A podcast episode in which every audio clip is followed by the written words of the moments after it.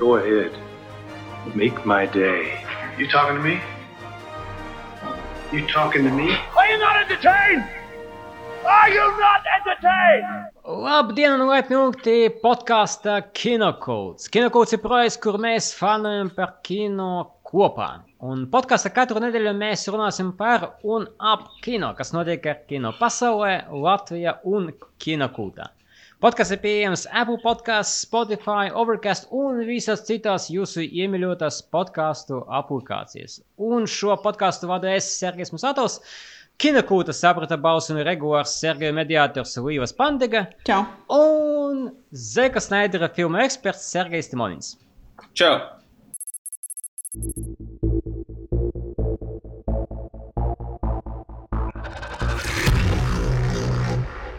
Sāksim mums ar ziņām un ar ziņām par visāda veida turpinājumiem, kurus kāds prasīja un varbūt arī kurus neviens neprasīja. Teiksim, ā, pirāti, Pirates of the Caribbean 6 vai kāds te prasīja? Nē, bet taps, vai ne, Sergei?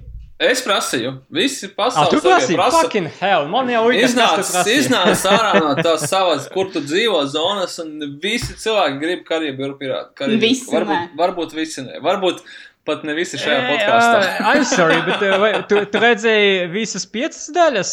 Jā, protams, come on, nu, come on. Tur tikai Nu, piecas. un tu vari uh, ar uh, plaukstu sirds pateikt, ka tev piekta daļa interesē viss, kas tur notiek. Bet ir, ir jau tikai trīs. Ah, ok, jā, skaidrs. Nu, jā, tāpēc jau es saku, ka es nezinu, vai kāds prasīja. Es, es, actually, es neatceros vispār, kas notika piektajā daļā. Man liekas, ka tur bija jaunieši. Tur bija Tur viens bija ceturtais. Un, uh, laikam, laikam. Bija, bija. Nu, Bet kas notiek sestajā daļā?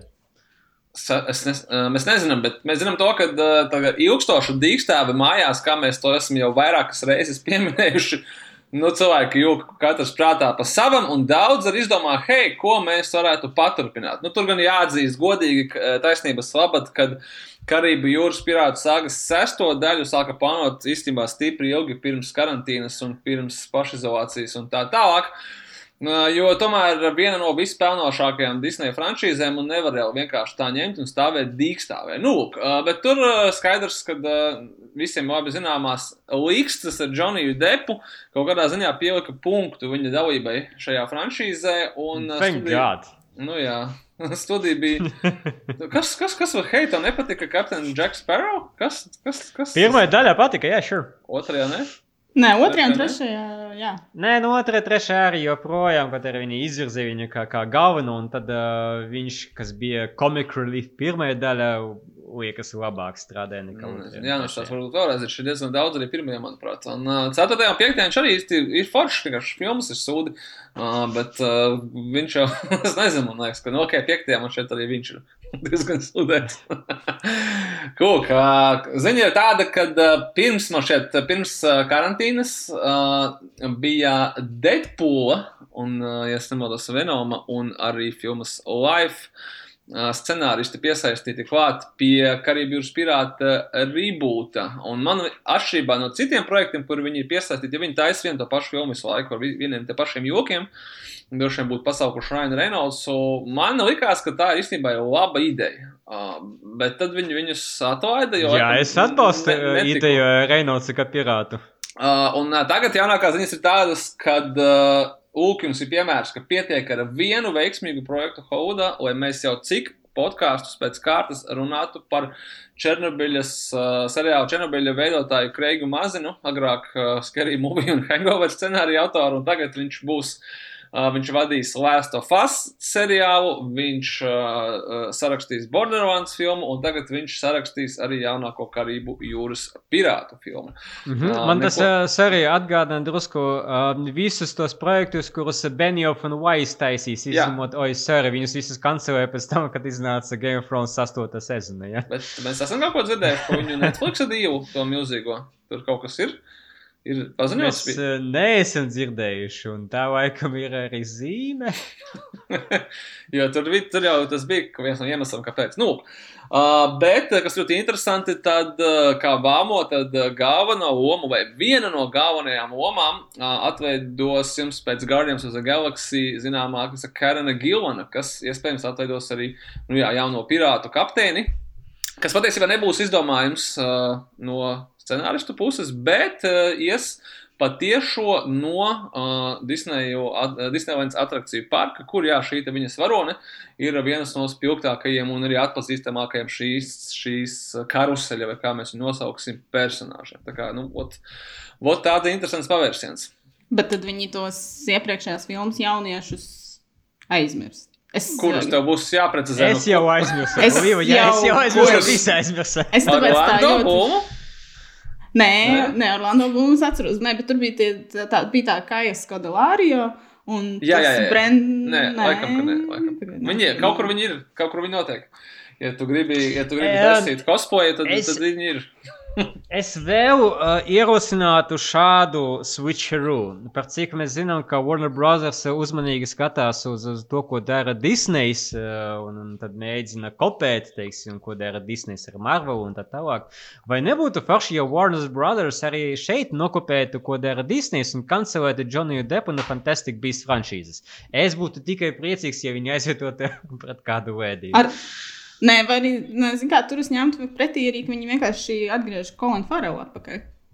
Ja viņš tas bija ļoti nepatīkami. yes, ka viņi vienkārši yes, tā kā, please, nu, tā kā Colin vispār bez jebkādiem komentāriem. Vienkārši nākamajā filmā viņš ir Kolins Farels. un Tā kā viss Viņam jāmaskējās tālāk. Viss, viss skaidrs. Jā, nu, tā kā No viss izmantojuma uh, doktoriem uh, pārnesus uh, Giljama triku par to, ka spēlē dažādi aktieri. Un jā, šobrīd trešajā daļā um, Grindelvalds izskatās pēc jauna aktiera. Cena. Maybe not, maybe not kā John Cena, bet uh, turpinām varēs tikt meklēt galā tos aktierus. Nu, labi, uzrakstiet mums, varbūt sakot komentāros vai, vai, vai savos messageos, kā vēl, kā, ko jūs gribat no Karību jūras pirātu turpinājumu, un vai jūs vispār gribat. Nu, īstenībā jau tas otrs jautājums ir retorisks, tāpēc, ka tas nav mūsu lemšana. Nē, nu vēl uzreiz ir iemest, uh, ko es gribētu redzēt uh, Džonija Depa vietā Fantastic Beasts uh, 3 filmā. Nu, Nu, tas ir manam šis ir pašam. Satraucoši. Davai mēs to nākamreiz. Tas nākamreiz vairāk nekā pirāti, Kā, kad būs, bet Līva, kas mums vēl ir interesants. Uh, mēs, uh, ir vēl viens iemesls, kāpēc mēs ar ārkārtīgi lielu interesi varam gaidīt Disney Plus kaut kad, gaidām ziņas, kad. Jo no 3. jūlija pie viņiem platformā būs skatāms uh, mūzikls Hamilton, kas, uh, nu, es pieņemu, ka mūsu platumgrādos varbūt nav tik plaši zināms, bet tas ir nenormāls, nenormāls. Fenomens ASV un nu, arī citās valstīs, piemēram, Lielbritānijā. Uh, un, uh, jā, tā kā beidzot šis ieraksts būs publisks, un viņš ir nonācis pie Disneja. Uh, ja jūs gadījumā nezināt, kas, kas ir Hamiltons un kāpēc tas būtu jāzina, tad tas ir uh, mūzikls, ko ir sarakstījis Lins Manuels Miranda. Tas ir uh, hip hop mūzikls par vienu no uh, tā saucamajiem uh, ASV Founding Fathers, jeb nu, būtībā ASV dibinātājiem, par Aleksandru Hamiltonu. Un viņš ir balstīts uz tādas nenormāli biezas grāmatas, kuru cilvēki tagad nenormāli arī lasot. Tā kā rekur ir uh, atbilde, kā piespiest cilvēkus lasīt, uzrakstiet mūziku, un tad viņi visi gribēs izlasīt arī, uz kā tas ir balstīts. Uh, Jā, es nevaru sagaidīt, kad es beidzot izlasīšu to Cats grāmatu. Bet uh, kāds ir balstīts? Tur ir uh, uz tenisona dzējoļiem. Nē, Cats ir balstīts uz katiem. Nē, nu jā, bet, kā, nē, nē, bet tur ir arī balstīts, uh, tur ir uh, dzējoļi tam pamatā. Tā ka tu vari actually izlasīt grāmatu. Ah. Bet vai tur ir atskaidrots, kas ir Jelko Cats? Nu, bet es neesmu lasījusi, tāpēc. Tur ir vienkārši atsevišķa poema, kas saucas Jellicoe Cats. Nu, un uh, šis mūzikas par Hamiltonu viņš kļuva par, viņš iznāca 2015. gadā, viņš kļuva par nenormālu, nenormālu fenomenu. Viņš sākotnēji bija ne Broadwayā, bet tad, protams, pārceļoja arī uz Broadway, ieguva cik tur 11 toniju balvas, jeb teātros Oskarus. Uh, tur miljoniem cilvēku droši vien, es pat nezinu, varbūt miljoniem ne, pārspīlēju. Nu, labi, Ļoti dārgas ļoti biļetes. daudz cilvēku ir nosījušies ļoti Mhm, dārgas jā. biļetes. Un, tas, Un nu, ļoti uh, vispār nav iespējams gandrīz arī dabūt tās. Viņas, uh, jā, tur loterijās. Es dzirdēju podkāstus par to, ka cilvēki ir nopirkuši beidzot biļetes uz Hamiltonu, un tad atnāca koronavīruss un viss kancelējās. Un, nu, jā, tur nav viegli, nav lēti. Un, uh, un tā, un uh, Broadway's izrādēm lieta ir tāda, ka tās ļoti reti, kad vispār ir pieejamas uh, ārpus uh, teātriem, jo viņi ir diezgan tādi savtīgi, un viņiem nepatīk, ka viņas filmē, un kur, nu, ja, nu, pat ja viņas ir nofilmētas kaut kādiem arhīviem, viņi viņas nerāda. Respektīvi, vienīgais veids, kā tu vari noskatīties, ir būt Ņujorkā, aiziet uz Broadway un uh, noskatīties to izrādi. Tāpēc tur tāds diezgan liels arī ekskluzivitātes aspekts. Bet uh, ar Hamiltonu tās labās ziņas ir, ka tā oriģinālā aktieru sastāvā izrāde ir nofilmēta 2016. gadā. Un uh, tā tiks arī izplatīta visai plašajai pasaulē. Uh, Sākotnējais plāns bija patiesībā Disneyam. Viņi iegādājās šo ierakstu par 75 miljoniem ASV dolāru, kas ir nu, diezgan iespaidīgs. Čing. Jā, Jā. jo nu, tur sanāk tāda pieklājīga filma no tā visa patiesībā. Mm. Bet uh, sākotnējais plāns. Un, ja nu gadījumos joprojām klausās Warner Brothers un nav izslēguši, tad uh, es iesaku paņemt un iefilmēt Harry Potter and the Cursed Child. Arī Lūga, kur uh, nav iespējams noskatīties, bet no te es vairāk uh, jokojos, tāpēc, ka es noteikti gribu redzēt viņu um, tieši, teiksim, Londona, Westenda, jo stāstīja, ka tur ir ļoti labi pārdomāta scenogrāfija, kuru noteikti nevarēs atdarināt uz, uz video. Es Jā, tas ir vienkārši filmu pagaidīšu. Būs pilnīgi noteikti. Simt procenti. Bet, uh, nu, redzēsim. Bet, lūk, uh, oriģinālais plā- plāns ar Hamiltonu iznākšanu patiesībā bija tāds, ka 2021. gada oktobrī uh, šim ierakstam vajadzēja iznākt kinoteātros, ko Disneys bija tā kā jau arī izziņojis. Mm, Bet uh, šonadēļ viņi visiem par lielu pārsteigumu pateica, ka opā, nē, jau no 3. jūlija uh, izrāda tiks ielikta Disney Plus platformā kuru varēs to nostīties ik viens, kuram ir Disney. Plus. Diemžēl mēs tādi nesam. Varbūt 3. jūlijā būsim. Nezinu, ļoti, ļoti, ļoti ceru. Uh, Nu, vēl viens iemesls. Vēl viens Nu, iemesls. vēl viens. Es personīgi ļoti, ļoti, ļoti, ļoti gribētu redzēt Hamiltonu, jo uh, es uh, jau kaut kad pasen diezgan noklausījos visas dziesmas, jo arī oriģināla aktieru sastāvā mūzikas ieraksts, tas ir pieejams Spotify. To visu var noklausīties. Tās dziesmas ir ļoti lipīgas, no tā jūs netiksiet vaļā nekad. To es pilnīgi noteikti apsolītu. Un, uh, jā, tu būtu ļoti, ļoti fēni redzēt arī ar attēlu, nevis tikai ar balsīm. Un, uh, jā, nu, tā, tas ir kaut kas tāds, vēl viens tāds, niša, ko, ko Disneja kaut kādā mērā, acīm redzot, grib aizpildīt. Uh, -hmm. nu, jā, un tad uh, nu, arī pēdējais laiks iepazīties ar Linu Manuelu Mirandu, ja vēl nezināt, kas viņš ir, Hamiltona mūzikas autoru. Un uh, ne tikai Hamiltona autoru. Viņam arī bija šogad paredzēts, ka iznāks uh, filma In the Heights, kas ir viņa viens cits mūzikls, uh, ko viņš bija sarakstījis vēl pirms Hamiltona. Tam jau ir izveidota uh, filmas versija, bet uh, koronavīrusa dēļ tā bija viena no, uh, viena no filmām, kas ir pārcelta uz nākamo gadu, protams. Tur arī būs ļoti lipīgas dziesmas, tās arī var noklausīties uh, jau tagad. Un, tā kā jā, jums dzīvē pietrūks kaut kā, ko klausīties, klausieties Linu Manuelu Mirandu. Viņam tīri labi sanāk. ah, viņš ir citur arī Nu, Moana. gaidām tad uh, arī Disneja puse vismaz kaut kādas ziņas, kad tad iznāks. Bet, uh, ja jūs gribat pakavēt savu laiku vēl citādi, tad ir arī National Theatre Live, kas ļoti dāsni piedāvā savas izrādes skatīties YouTube šobrīd. Katru nedēļu jauna izrāde, un teiksim, no 21. uh, maija var skatīties uh, ilgu tramvaju, vai arī kā Regnārs Vaivars uzskata, kaislas vilcienu, jeb nu, A Streetcar Named Desire. ar uh, Julianu Andersonu un Vanesu Kirbiju. Bet no 4. jūnija viņi piedāvās uh, Šekspīra Coriolanus. Coriolanus. Es nezinu, kā viņi pareizi izrunā. Korejānas. Coriolanus. Ar Tomu Hiddlestonu. Mm -hmm. Tā ka jā, šis... Nu, ja ā, tur gadījumā es, es ā, teicienu kaislas vilciens, tad pierakstoju, atzīmētu visu kaut kādas savas private beats. Nē, bet tas ir pilnā nopietni. Ču, ču. Čuču. Yes. Tas, It's going into the tunnel. tas nav joks, jo tā kā Dēls teātrī, kad Regnārs Vaivars iestudēja Streetcar Named Desire, viņš pateica, es no sākuma nesapratu, ka tā izrāda ir, nu, ko mēs parasti vienmēr esam zinājuši, kā ilgu tramvaju, jo viņš uzskata, ka tā Jā. ir jātulko pareizāk. Kaislas vilciens. Uh, tā kā jā. Bet jā, tas ir interesanti. Tas, ko es gribēju vēl piebilst, ir tas, ka tagad, koronavīrusa laikā, man liekas, droši vien šie teātris strīmi ir kļuvuši arvien populārāki. Jo senāk jau varēja nu, visādas arī pie mums, mūsu vietējo izrāžu ierakstus vienmēr skatīties, bet tagad, man liekas, tas bass par to ir kaut kāds krietni, krietni lielāks palicis. Jā, bet zini, kā interesanti, ka es eh, redzēju, ka Londona ir eh, drusku pretī, ka ir daži teātri, kas eh, nevēlas laist ierakstus, līdz ar ko viņi vienkārši šobrīd prasa naudu. Un That's about it. Tā kā, no, tur ir daži, daži veci, Nu. daži veci teātri, kas, kas kaut kā neuzlica uz šita bandwagon, kur varētu taisīt streamingu, un tad šāds ir rezultāts. Tā kā, Nu jā, jā laikam tas- streamings ir variants. Hamiltonā tāpēc arī gadījums ir tāds, tāds visnotaļ īpašs, jo Broadway bēdīgi slavena ar to, ka viņiem ļoti, ļoti nepatīk, ka, ka kaut kur kāds kaut ko ieraksta. Reizēm var kaut kādas nelegālas ierakstus šur tur atrast, bet nu, viņi tā kā oficiāli praktiski nekas nav pieejams. Tāpēc, ka tev jābrauc un pie viņiem jāskatās un jācīnās par tām biļetēm. Vai arī mēs redzam, ka uh, Disneja nopērk par 75 miljoniem. un tā Kā, Mm. Ai, tā nu labi augšu. Nā, ko tur tā kā, ai, nu, ko tur čakarēties. Nu, Nē, laikam nauda izšķir visu. Samaksāts jau ir, tā kā, ko tur rās.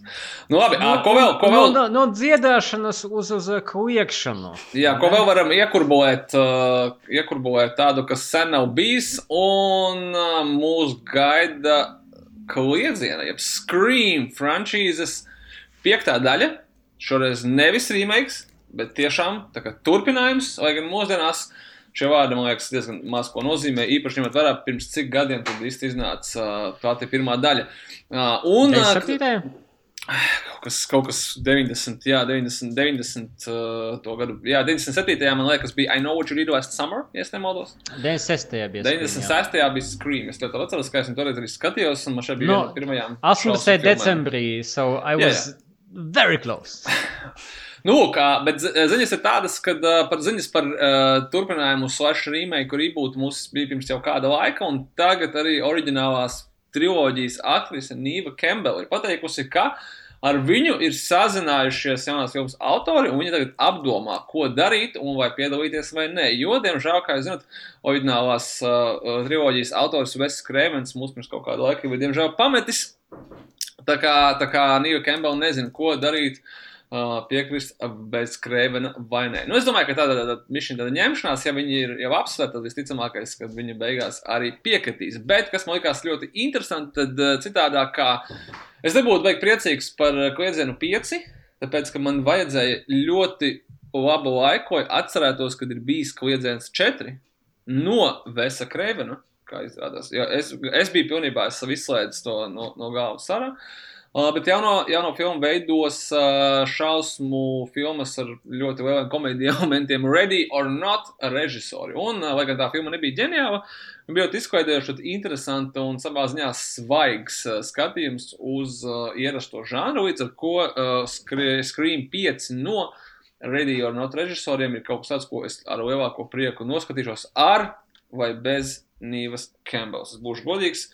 Uh, Visticamākais jau, ka tā tomēr ir prātīga ideja, ka tas nav pilnīgs reboots, kā ir uh, MTV seriāls, kuram, manuprāt, ir divas vai trīs sezonas. Es nezinu, es neesmu redzējis nevienu no viņiem.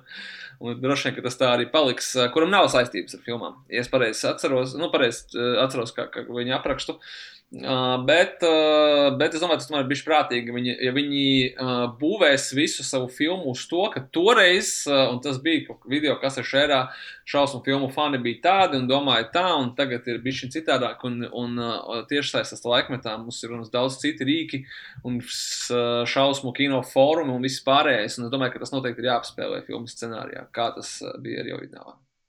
Un droši vien jānoskatās oriģināls vēlreiz. Man tas uzdzina. Triggeri!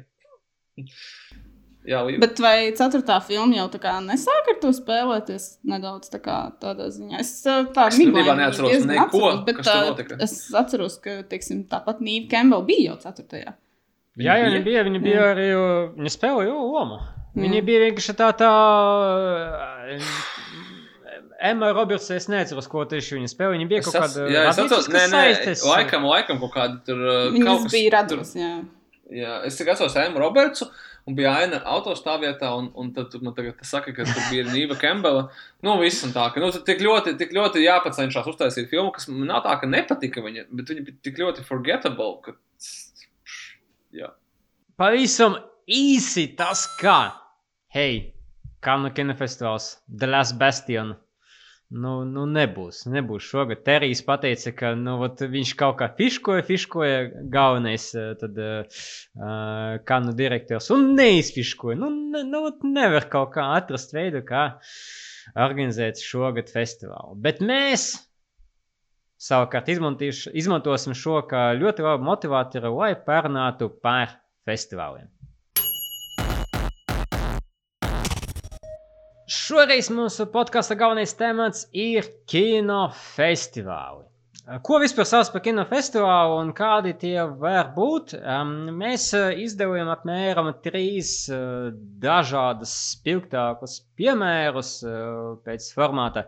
Un viens ir tas, ka ir dažādi indiju vai žanra festivāli. Piemēram, ir festivāli, kas kā Uh, Fantastic Fest, kas notiek uh, Austinā, Teksasā, kur mēs ļoti, ļoti, ļoti gribētu nokļūt beigu beigās, kad viss šis uh, beigsies, uh, karantīnas, koronavīrus un tā tālāk. Uh, Ir uh, lokālie festivāli, kas uh, vairāk ir par pašu valsti, un tad uh, viņi rāda, teiksim, vietējo kino, uh, vai arī vienkārši ir mazie pilsēšu festivāli. Teiksim, kā Rojas kinofestivāls, arī mazs kinofestivāls Rojas iedzīvotājiem. Vai kā un mans tā... mīļākais latviešu festivāls - Kino pedālis! Šautauts kino pedālim! Yes! Visi pedāļi min uz kino pedāli.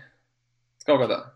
Tas ir slogans, ja? Es nezinu, es tā domāju. Es tagad neesmu tur bijis, bet man vienkārši ļoti, ļoti patīk, kā viņš saucās. Tas ir par vēl vienu vairāk. Kino, tas ir vēl kino, un, un arī uh, viņam viss kaut kas ap uh, vēlo, ieskaitot arī, ka tu vari skatīties uh, filmu būdams uz velosipēda. so, very immersive. Nu, un trešā kategorija, par kuru mēs arī visvairāk runāsim, ir startautiskie kinofestivāli, kuru visticamāk arī mūsu klausītāji pazīst pēc vārda, tādi kā Kanu kinofestivāls, Berlīne, Venecijas kinofestivāls un tā tālāk. Nu tad, Līva, kuros kinofestivālos tu esi bijusi un kādas ir tavas spilgtākās atmiņas par festivāliem? Uh, nu, no tādiem lieliem festivāliem es esmu bijusi patiesībā tikai vienā, tas bija Berlīnas kinofestivālā 2018. gadā. Un tad, kad es tagad, nu, sanāk divus gadus atpakaļ, kad es par viņu tagad domāju, droši vien spilgtākā lieta, ko es atceros, ir tas, ka Edžs Šīrans paskatījās tieši man virsū festivāla pēdējā dienā. jo viņš bija Berlīnē ar savu dokumentālo filmu, kas viņam bija iznākusi, kas saucās Songwriter. Viņš tur vienkārši tāpat vien netusēja. Un tad uh, preses nebija konference... laba filma katram gadījumam. Ne? Ai, nē, no. viņa nebija nemaz tik slikta. Nu, kā, man Edžers Šīrens tā baigi dzīvē nerūp, bet es tā skatījos. Tā kā Kāpēc? Nē, nu, kā.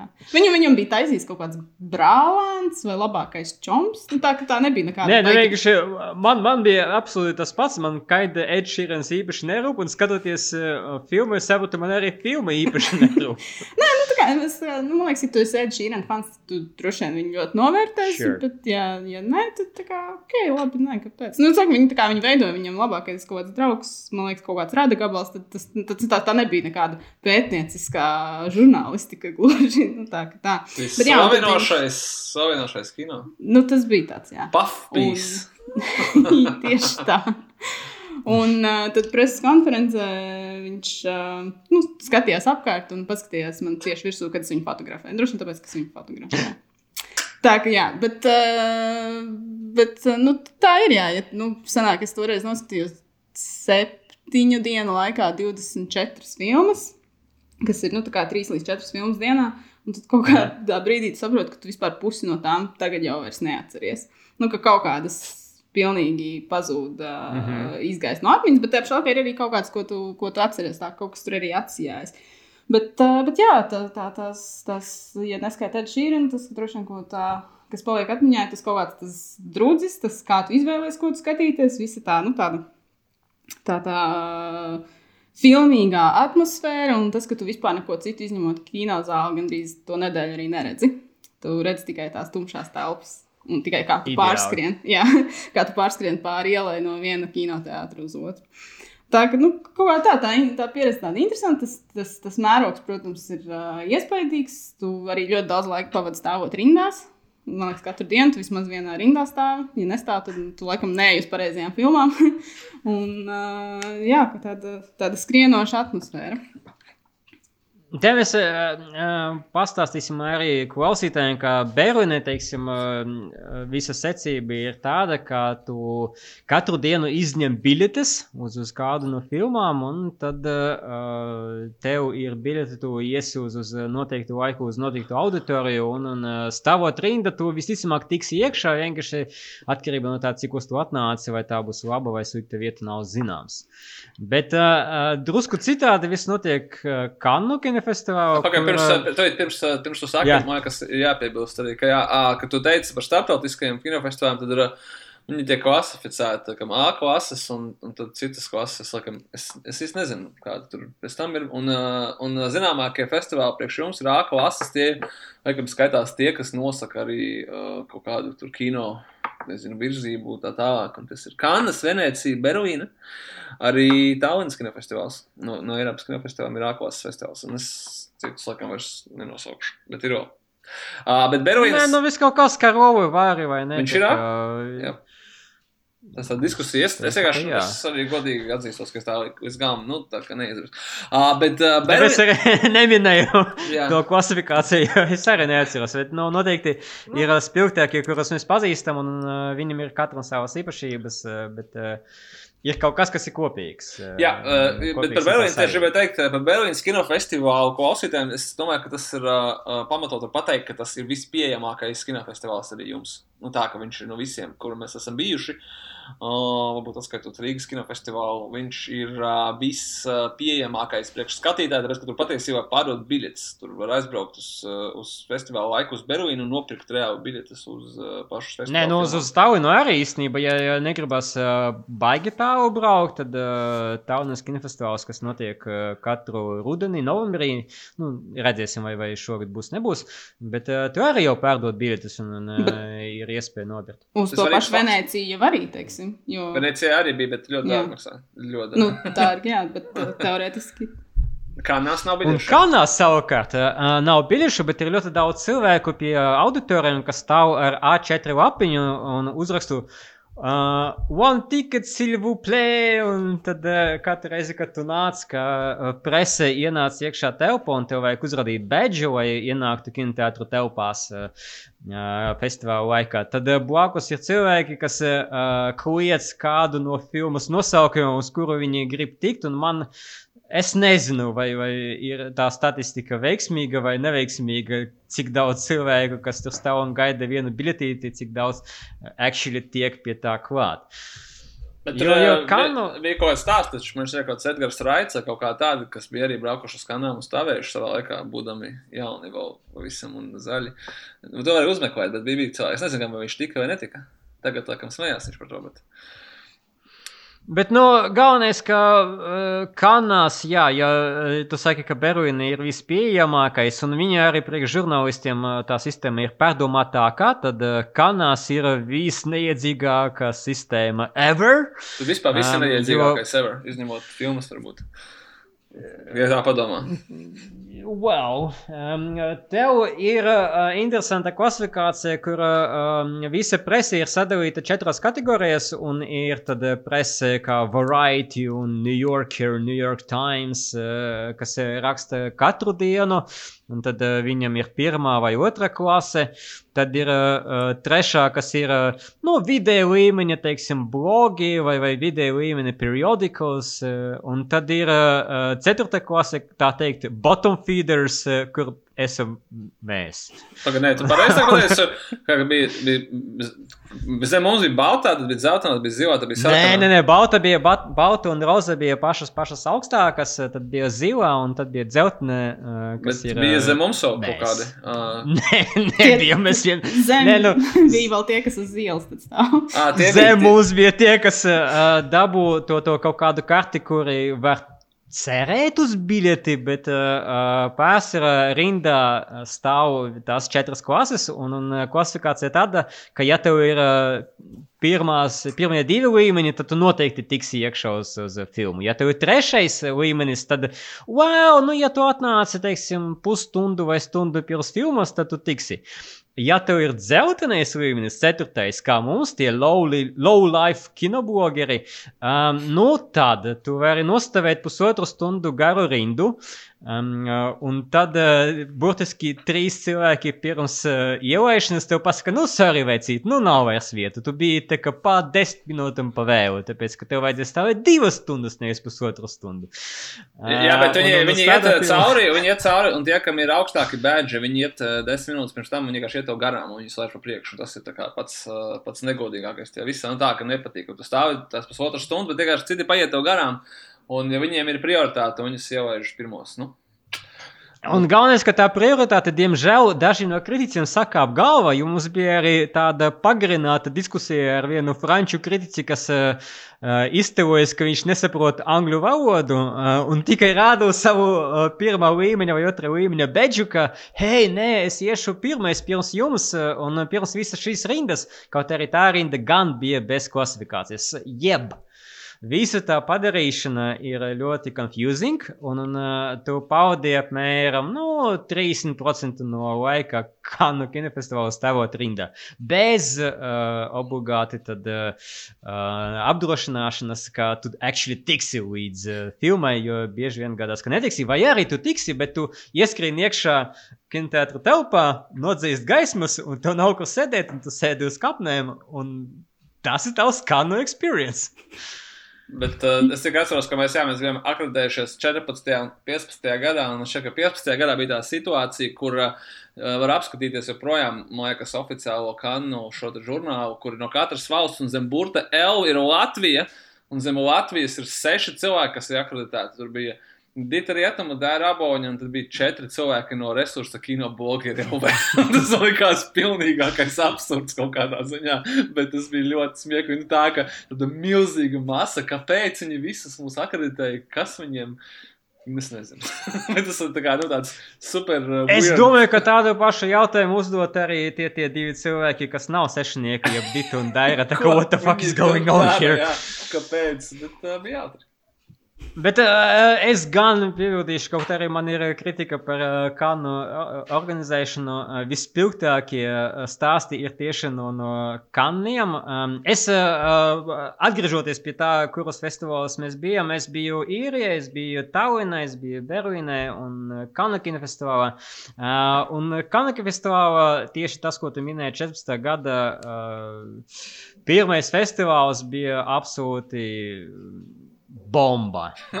Visos, visos veidos. Mēs bijām, mēs bijām jauni, mēs nebijām sagatavoti uh, Kanu kinofestivālu, un mēs nebijām sagatavoti arī tādam tempam, jo, jā, tu pavadīji visu laiku iekšā zālēs. Uh, bet līdz tam zālēm uh, ir vēl jātiek. Sergei, es tagad izstāstīšu.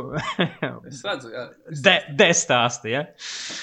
Tad, tad atbraucam mēs 14. gada uz uh, Kanu kinofestivālu. Beidzot, dabūjam savus dzeltenos beidžus, vēl nezinot, ko tieši nozīmē dzeltenis beidžs uh, rindu ziņā. Bet tu biji priecīgs, uh, tad... saule spīd, palmas jūra. Saule spīd, mēs esam kanās, reku krozēt, te gandrīz vai tu līdz staigais Kventins Tarantino. Uh, Um, jātiek tikai mājās, vai ne? Kuru tad uh, mans kolēģis Sergejs Timonins šajā podkāstā arī ļoti um, labsirdīgi izvēlējies un pierezervēja. Uh, un kā būdams rezervētais, viņš arī ir mūsu navigators. Bet problēma ir tāda, ka uh, Tajā periodā, kad mēs atbraucām uz Kanādu, neskapēc uh, bija arī vis kaut kādi strikes, un, un ieskaitot arī uh, autobusu vadītājus, jā, vai ne, kad Kanā kinofestivāls un ir uzmanība uz festivālu, tad uh, policija un uguns uh, dzēsēji un, un autobusu vadītāji streiko. Uh, līdz ar ko autobus mūs uh, veda tikai pusceļu, un tad, kā Sergejs pateica, nu te dažus kilometrus būs jāpaiet. Wow, no big deal, vai ne? Jo, jo viesnīca nav kanās, viesnīca ir blakus ciemā, un tā ir liela problēma ar kanām, ka uh, nav iespējams vienkārši pierezervēt, kur tu actually gulēsi. Uh, un, un tas, ko mēs pēc tam iemācījāmies uz nākamo gadu, ka mēs uzreiz rezervējam viesnīcu, un pat uzreiz rezervējot viesnīcu, mums pateica, ka tā cena, kur ir norādīta Airbnb, nu jūs pareiziniet ar divi, un tā ir īstā cena, bet jūs samaksājat lūdzu mums kešā. Jeb ar, ar dzīvošanu, kura tu pilsēta kanās, ir problēma. Un, bet Sergejs atrada, Sergejs atrada ļoti labu vietu ciemā, un mēs sākam iet. Mēs sākam iet līdz ciemam, un, un uh, beidzot, ienākot ciematā, uh, mēs esam četri, ieskaitot dzirtu, kas velk līdzi sakojāžu uz ritentīņiem. Uh, mēs aiz katras mājas burtiski gaidām Sergeja jūsmojošo kliedzienu, reiku ir mūsu viesnīcā, un tas kliedziens nenāk un nenāk. Mēs esam jau izsaukuši, jo mēs esam pēdējo reizi ēduši, liek, pirms astoņām stundām, lidostat tur kaut kādus krekerus. Uh, Uh, bet redzam, tur ir restorāni, viss cool. Bet nu neiesim tagad uz restorānu, atstāsim Landas viesnīcu un tad aiziesim normāli pāriest. Wow, tas ceļš līdz viesnīcai pat ienācot uh, ciemā bija gana garš, jo uh, tas, ko Sergejs aizmirsa piefiksēt, izvēlētos viesnīcu, ir topogrāfija. Jo izrādās, ka viesnīca atrodas Kalnā. Uh, es zinu, viesnīca atrodas Kalnā, un līdz tai nav iespējams tikt ar sabiedrisko transportu. Basically, that's easy. So, uh, tie, tie pāris kilometri, kas bija līdz viesnīcai, actually, viņus vajag pārizināt ar divi, jo pēkšņi sākas serpentīns. Uh, Un mēs sākam iet pa serpentīnu. Un, un, jā, sure, tu ej pa serpentīnu, viss ir cool, ir gaisma un ir trotuārs. Un es dzirdu vienkārši aizmugurē atkotos ritentīņus un dzirdu, kas um, pasaka, ko viņš domā par Sergeju, ko viņš domā par Sergeju gaumi, par Sergeju izvēlu un navigācijas spējām. Uh, bet tad gaisma un trotuāri beidzās. Un ir absolūta tumsa, ir ļoti krūts serpentīns, ir meža cūka, kas pārskrien pāri ceļam. Un ir tikai nevis dzirta kaut kādi citāti, bet tikai ritentiņu skaņa, jo dzirds vienkārši krūsē un paf, paf stiep to savu sakojāžu. Nu, fuck it, ok, nonāksim līdz, līdz uh, viesunām un beidzot atpūtīsimies. Es neesmu pārliecināts, ka mēs iesim lejā līdz uh, restorānam, bet uh, man ir daži batoniņi vai, vai zupa, pagatavosim uzreiz zupu. Atnākam līdz viesunām, ir pulksten deviņi, viesunāms ir ciet. Tā kā viesunāms ir ciet, neviens nevar vaļā durvis, nav nekāda zvaniņa, ir tikai A4 lapa, kur pierakstīts numurs, kas actually nestrādā, un es izmēģinu ar visiem iespējamiem kodiem, un, lai, nu, mūsu izvēle ir paņemt telti, kas mums bija līdzi, un taisīt vienkārši tev iekšā pagalmā. Līdz iznāk kaut kāds pāris, kas vienkārši nav no franču pāris, eh, pastaigāties pa, pa ciemu, un uh, es izmantoju visas savas franču valodas iespējas, lai pateiktu ļoti simplu frāzi. Numurs nestrādā, numuro no travai, un mēs vienkārši neko nepaskaidrojot, iemācām iekšā viesu namā, lai vismaz gulētu tur iekšā uh, telpā, nevis ārā. Uh, bet uh, epilogs ir tāds, ka, ka izrādās ne tikai tikt līdz tam ciemam bija grūti, bet tikt ārā no ciemata bija arī grūti, mēs līdz kinoteātrim pārvietojamies četras stundas ar dažādiem transportiem, bet sākam ar uh, mūsu um, viesu nāma darbinieku Žanu Kristofu, kurš pateica I drive you off a cliff, we? Un, well, he did. Uh, bet tad izrādās, jā, ka viss streiko un neviens transports mums negrib aizvest līdz kinofestivālam. Līdz ar to mūsu uh, sākums bija ļoti, ļoti jūsmoši. Mēs visas zupas un visas manas batoniņus, kuras es nopirku uz visu festivālu, apēdam tajā vakarā. Bet uh, tās, no rīta zoga bija stirna. Yes, baby! Un vakarā, kad mēs atnācām, vai nākamajā mēs šeit skatījāmies uh, filmu Piraņa 3D pa televizoru, kas mums šeit kanām ļoti atbilstoši filmu. Un uh, katru dienu braucām ar taksometru turpat atpakaļ, bet uh, man liekas, mēs beigās pat ietaupījām naudu, ņemot vērā to, cik tur maksā sabiedriskais transports un, un vilciens. Jā, jā, nu, kā tā sanāca? Bet bija jautri. Ja, a, ja būtu dzīvojis centrā, tad nebūtu šis stāsts. Meža cūkas arī nebūtu. Nekā nebūtu. Bija forši. Bija forši. Mēs tieši redzējām, um, uh, burtiski pirms nedēļas bija video no uh, kanām par cik festivāls šobrīd nenotiek, un vispār uh, ielas ir diezgan, diezgan uh, klusas un bez mašīnām. Līdz ar to meža cūkas tur staigā pa krozēt mūsu pašu. Jā, bet uh, tur tas komentārs arī bija par to, ka uh, Berlīna ir jums pieejamākais festivāls. Ir arī tādā ziņā, kur jāsaprot, ka uh, Kannas ir nenormāli maza pilsēta. Nu, ļoti maza, kā pārdesmit tūkstoši cilvēku, kas tur dzīvo, un festivāla laikā sabrauc kad desmit reizes vairāk cilvēku. Līdz ar ko, līdz ar ko atrast, uh, atrast nakts mājas ir ļoti tuvu neiespējamiem un, uh, un uh, adekvāti cenā pavisam neiespējami. Nu, tā ziņā, ka cilvēki dzīvo pa diviem, pa uh, 12 kvadrātmetru istabiņās, un, un nu, tas nav. Tas ir tikai tāpēc, ka, jā, tāpēc, ka pilsēta ir tik maza un viesu ir tik daudz un viss ir ļoti dārgi. Kamēr, piemēram, tas pats Berlīna vai Toronto pilsētas dzīve netiek paralizēta, ir notiek festivāls. Festivāls notiek Berlīnē un, un pilsēta turpina savu dzīvi un nekādas stipras izmaiņas, teiksim, cenās vai dzīves vietu pieejamībā īsti nevar baigi just. Un tas ir man šķiet ļoti svarīgi. Tāpēc, ka lielākā, ļoti liela daļa no mūsu kānu izmaksām sastādīja tieši naktsmājas. Jā, jo, um, teiksim, pašās kanās um, vispārējais nebija tik dārgs, jo, piemēram, mēs ēdam tikai McDonald's. Un Va- tikai divreiz dienā. No rīta un. McDonald's. Saboj, saboj arī. sorry. Un monopriks vienmēr visi, visi kas ir bijuši kanālā, zina, kas ir monopriks. Nu, jā. Uh, jo uh, festivālu būtība priekš preses ir tāda, kā Līva minēja, ka tu skaties kino un, un, un tu ēd tikai ap kino. Jeb, ja tev ēdienu reizi iekrīt kaut kāda filma, kas uh, tiek parādīta vienā sēnesā, tad obviously tu iesi uz to filmu, nevis iesi ēst. Līdz ar to mēs uh, pārsvarā, nu es pirmo gadu tieši tā arī atceros. Mēs uh, broksas ēdam McDonald's un vakariņas ēdam Saboja un ar visu šito balto maizi esmu zaudējis 4 kg pirmajā savu kanu kinofestivālā. Nu, ok, to be fair, pirmais kanu festivāls vispār bija tāds uh, fiziski nogurdinošs, jo uh, mēs uh, pirmo daļu bijām četri cilvēki, es, Sergejs, uh, Udis un Dzirts, un dzīvojam viesu namā. Ar tad cūku un ciemā. Ar meža cūku, jā, jā, ar visiem, visiem uh, mūsu uh, meža brāļiem. Uh, bet uh, otru pusi mēs dzīvojam teltī. Nu, jā, un uh, tur ir ļoti interesants tas, ka uh, mēs vienmēr sakām, ka mēs bijām kanās un mēs dzīvojam teltī. Un tas nav joks. Mēs tiešām dzīvojam teltī, kempingā, kempingā kas gan ir kandu teritorijā un bija stipri tuvāk nekā, nekā viesu nams ar meža cūku un stirnu.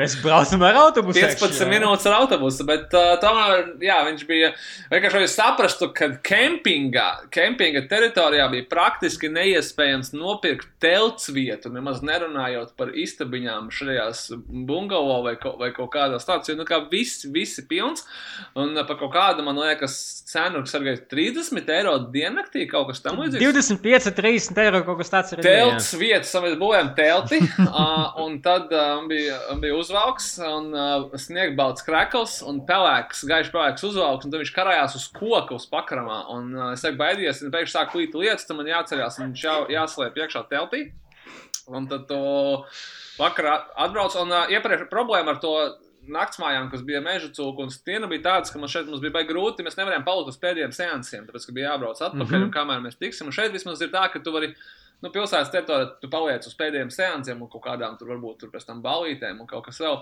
Uh, bet, jā, bet tu no rīta pamosties, aizēji nomazgāties, tad tu apģērbies uzvalkā, kā autobusā, izkāp pilsētas centrā, un tad tur ir milzīgs pūlis ar cilvēkiem pie, tā, pie tās galvenās viņu festivāla pelē.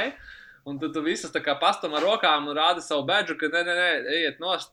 Es, Dzēsi no bedža, mēs, esam, mēs esam šeit ļoti svarīgi cilvēki, ka mēs ejam cauri un ejam iekšā. Tas ir ārkārtīgi smieklīgi, ka mēs no rīta guļam teltī. Bet, uh, Un, un, jā. Un, un tas serija, bet uh, tas kempings bija nu, arī kaut kāds super ridiculous, jo Sūds viņš bija, nu. sūds viņš bija wow, jā, I mean, ne, nu, pirmkārt, ka izrādās, ka uh, kanās uh, pa dienu ir silti, bet naktīs wow, nav tik ļoti silti, un augsti gulēt uh, diezgan, uh, un Tāpēc, īpaši tas es nezinu, kas... Nu, jā, bet tas ir. Tā ir vidusjūra, ko tu, ko tu Francijas dienvidi, jā. Uh, un, un, un pa dienu tu jau staigā kreko, te kreko. Uh, bet uh, punkts tāds, ka es nezinu, vai tā bija šī konkrēta kempinga īpašība, vai arī konkrēti mūsu vietas īpašība, bet viņam, es nezinu, man liekas, ka bija kaut kāds centimetrs ar zemi, un pārējais bija asfalts, tāpēc, ka gulēt bija ļoti, ļoti, ļoti nērti un augsti, un es augstējos. Un tad es pazaudēju pasi. Jeb mēs, mēs ā, tev parasti atnākam ar Sergeju, kā viņš minēja, tā, ka vēl naktī nometam iekšā visus preses materiālus, plus arī kaut kādas izplatīšanas materiālus, ja mēs tikamies arī nu, izkāpjot no telts smokinga ar visam lielām studijām, tādas, kuras tā kā dievo ar, ar, ar sešciperu skaitļu budžetiem. Uh, un, un uh, viss pa to laiku, tad, uh, kad tu nometas, uh, viss tā kā apmēram mums bija uh, zeme, kas uzklāta ar uh, visādiem Hollywood reporteru žurnāliem. Nu, jo guļamais nebija kaut- īstenībā. tā kā, Nu, nē. Es neatceros, nē, man liekas, ka kaut kas bija. Guļamais, guļamais bija, laikam bija. Nebija, nē, nē, bija, paklājiņš bija, bija. Jā. Pakoji nebija gan. Um, es atceros, ka es eh, pēdējā dienā vēl atnācu līdz teltī un iedomāju, man vajag paņemt no manas eh, kanu somas eh, manu pasi un uzlikšu uz, uz man- manas galvenas somas, lai rīt neaizmirstu. Un mēs rīt piecēlamies, eh, visu savācam, apskatījāmies uz, uz zemes, nekas nav palicis pāri, viss kārtībā, aizbraucam uz lidu, lidu, lidostai. Es sāku čekot, nu, fakt, nav pases. Atveram visu telti, nav pases. Nu, kur viņi ir? Nu, kopā ar visiem marketinga materiāliem izmest vienkārši kempingā. Beigu beigās tā arī sanāca. Es tieši šo stāstu arī rakstīju um, paskaidrojumu, uh, kur palika mana pasa. Nu, fucking kempinga Francija. Nu, ko viņi dara? Bet, uh, Labs, la, labs trips bija. Bet, Ar zini kā, jaunu identitāti. Lai, lai, lai būtu kāds jautrāks stāsts, tāpēc, ka neviens vispār nav še, no šiem stāstiem ar filmām īsti saistīts. Tas arī normāli. Uh, bija tā, ka mēs uh, 2000, kurā gadā mēs rādījām filmu Iron Sky? Tas bija 14. vai 13. vai 12. Div... Nē, nē, nē. Piedod, va- 12. 14. Jā. Vai, vai, Vai? jā, tas bija tas trešais sēns, manuprāt. Iron Jā, Sky. jā, Un Mēs rādījām filmu Iron Sky no b, somu režisora Timo, kurš ir arī mūziķis un, un vispār. Un viņš mums atsūtījis, bija video sveicienu. Un tad mēs ā, pirmajā dienā, kad mēs atnākam, pirmajā dienā, kad mēs bijām kanālā, mēs ejam pa ielu, mēs redzam, ka tur nāk Timo. un Viņš vienkārši, viņš viņu var ļoti labi pamanīt, jo viņam, viņam divi metri ir augums. Un viņš ir, viņš ir virs visiem citiem cilvēkiem. Un, ā, un kāds sakam, teica, kur ūdens iekvaidzās, tur Timo kaut ko, oh! un viņš to apskatās. Nē, mēs, mēs, mēs mēģinājām saprast, vai tas ir Timo vai nav Timo. Un tad jā, vienīgais veids, kā pārbaudīt, ir iekļūt Timo. Un Timo tā kā paskatās un, un domā, kas, kas tie par džekiem, un kaut ko mēs saprotam, ka mums jāiet ar klāt, un tad mēs viņam pieņemsim, ka Timo, tu mums ja jau pakojamies, vai ne? video, mēs te pat no Latvijas, un viņš tā kā, jā, jā, sure, sure, un tā kā, nu, cip, atpišoties, džeki, un, uh, un uh, tad mēs sakām, vai tu mums video sveicienu ierakstīt, toreiz mums uz pirmizrādi, viņš tā kā apstājās, tā padomā tā, ka, jā, pareizi, jā, pareizi bija, vai kaut, kaut ko tādu es atceros, ka, cipa, Latvijā kaut kas, un, un tad uh, kaut ko viņš kā uzreiz, davai, džeki, nākat, uh, nākat uz balīti, mums būs šitais Iron Sky studijos balīte, tepat uh, vakarā un tā, un uh, pēc tam mēs aizgājām, es nezinu, Sergi, tu aizgājuši to balīti? Es aizgāju. Neviens Es neaizgāja to aizgāju, es aizgāju uz aizgājām. viņu, bet viņi bija beigusies jau. jau. es atnācu, tad, ka viņi jau nesa visu ārā. Es domāju, ja faktā, ka, nu, pirmā kāda balīta un uzreiz jau tāds spēles. Nu, jau uz jahtas mēs arī nebijām, bet mēs gan satikām Tarantino. Mēs par to minējām uh, mūsu podkāstā par mīļākajām kino pieredzēm. Un Tarantino actually parakstīja arī plakātu. To mēs gan neesam pieminējuši. Fakts, jā. Bet ir video uz YouTube, kur viņš paraksta Harija plakātu, iesmējas. uh, Un, un, un, jā, viņam patika, patika plakāts. Uh, Django Chain plakāts. Tas bija labs. Bet, lai, lai nav uh, um, doma, ka mēs braucam uz Kanu kinofestivālu tikai lai, lai stāstītu jums par meža cūkām, bendiem un, un uh, pazaudētām pasēm, mēs actually braucam arī, lai nopirktu kaut kādu filmu. Uh, un filmas process, uh, filmas pirkšanas process ir diezgan interesants, tāpēc, ka uh, tev jātiekas ar studiju. Tev jāsaka savs pitch, kāpēc tev vajadzētu izplatīt šo filmu un pirkt to uz, uz uh, teritoriju. Un tad notiek tā, tā liels process, kur viens piedāvā vienu cenu, otrs piedāvā otru cenu. Un studija parasti saka, bet mums vēl ir trīs pircēji. Un, uh, zini, kā es jums pačukstēšu, ka viņi piedāvā vairāk nekā jūs, vai es varbūt gribētu piedāvāt vairāk. Uh, līdz ar to uh, šāds bija mūsu process, kādu mēs pirkām uh, filmu Xavier Dolana filmu. Uh, tas ir tikai pasaules gals, kuru mēs nopirkam scenārija līmenī. Filma vēl nebija pat uzfilmēta. Un mēs nopirkām, tad šī bija vienīgā reize, kad mēs nopirkām filmu uz visu Baltijas teritoriju. Un Un tas bija scenārija 15. līmenī. gadā. Un, jā, un, un tas, uh, mēs tas bija. nezinājām, ko mēs darām. yes, yes. Pagaid, tāpēc, ka nākamais, nākamais gads bija actually diezgan sapīgs, tāpēc, ka mēs izturējām baigo pici sahaipoti uz, uz uh, Dalānu, un tad izrādās, ka tā filma neiznāks vēl pusotru gadu, ja viņa nav uzfilmēta, bet mēs esam kinda parādos. Bet Pagaid, tā bet tu- tu- nebija vienīgā filma, Jā, kuru to- mēs nopirkam tajā gadā. Pirms tu stāstīji daudziem, varbūt uh, būs kaut kāds diezgan liels pārsteigums, bet ar katru īpašu lielo kino tirgu, tā skaitā, uh, kino festivālu, tā skaitā arī Latvijā, starp citu. Uh, ir festivāls, tas, ko jūs dzirdat mēdījos, kad uh, festivālā tiek pirmizrādīta tāda, tāda filma, ir konkurss, ir balvas, tur viena vai dažādas, un tad tiek apbalvot, un tā tā. Tas ir tas viens festivāls. Zini, kas arī, uh, Jā. mēs šito izvedam, bet vai izstāsti, uh, piemēram, kā no piemēra, uh, kā, kādas ir programmas. Uh, un, un, un, Es uh, nemācīšu pateikt par programmām, bet tas ā, ļoti īsti. Jā, jūs īstenībā kanālā jā, tur, nu, tur ir ļoti daudz filmu un ir dažādas programmas, bet tas ir. Jā, okay, davai, davai, es uh, divos programmām, teikos. Uh, ir galvenā konkursa programma, par kuru principā visi arī raksta. Tur uh, atlasītas ap uh, 20 filmām, uh, un, un uh, tās filmas tad piedalās konkursā, kuru galvenā balva ir uh, Palm d'Or. Teiksim, pagājušajā gadā to dabūja parazīti. Un uh, parasti uh, tieši konkursa programma ir visi tie slavenie režisori, Uh, un slavenie aktieri, kurus jūs pazīstat, un tad ir sarkanais paklājiņš, ir pirmsrādes. Un, un uh, pārsvarā arī pirmsrādes, kas notiek uh, konkursa programmā, ir lielām filmām, uh, uh, šī būtu pasaules pirmsrāde. Bet tad ir pārējās programmas, kuras ir nemazāk interesantas. Uh, ir uh, viena programma Uncertain Regard, kur, teiksim, vairāk ņem jaunas svaigas balsis, kuram ir pirmā vai otrā filma. Ir um, festivāls, kas saucas Palm Dog kur uh, ir tikai suņu filmas, un tur ir sava suņu balva. Uh, un ir uh, divas interesantas uh, programmas, kas saucas, saucas uh, Directors Fortnite, jeb režisoru divu nedēļu programma, un tur ir visādas super interesantas uh, žanra filmas. Mēs tur redzējām Whiplash un Green Room un Takeshi Mika jaunāku filmu. Un ir vēl kritiķu programma, kur arī malgas ir diezgan interesanti. Personīgi man, teiksim, vairāk pat patīk režisoru. Jā, man noteikti Um, mīļākā programma programma ir un- režisora no kanāliem. Yes. Viņi vienkārši ir starptautiskākā nekā tik ļoti kaut kādā ziņā augstprātīga tās tā kā konkursu programma. Nu, kas man varbūt tā, ka es viņu respektēju. Nē, nu, bet, konkursā uh, vienkārši visi tie ārhausi un tādi svarīgi kino, un reku režisors tur safilmēja četru stundu garu filmu, un tad viņš jums izstāstīs, kā dzīve ir uzbūvēta. Un savukārt, uh, Directors Fortnite dažreiz uh, var iznākt uh, Nikolas Winding Refn un pasaukt uh, Texas Chainsaw Massacre uh, Tobiju režisoru un, un prezentēt filmu. Un, un, man Jā. liekas, ka tieši kinokūtam šī ir daudz tuvāka programma nekā konkursa programma. Nu, un, bet, jā, tas ir viena daļa. Un tā- Tobiju Hopperu es, aizmirsu uzvārdu piedošanu. jā. Un, un tāds pašs programmas ir arī Berlīnē un Tallinā.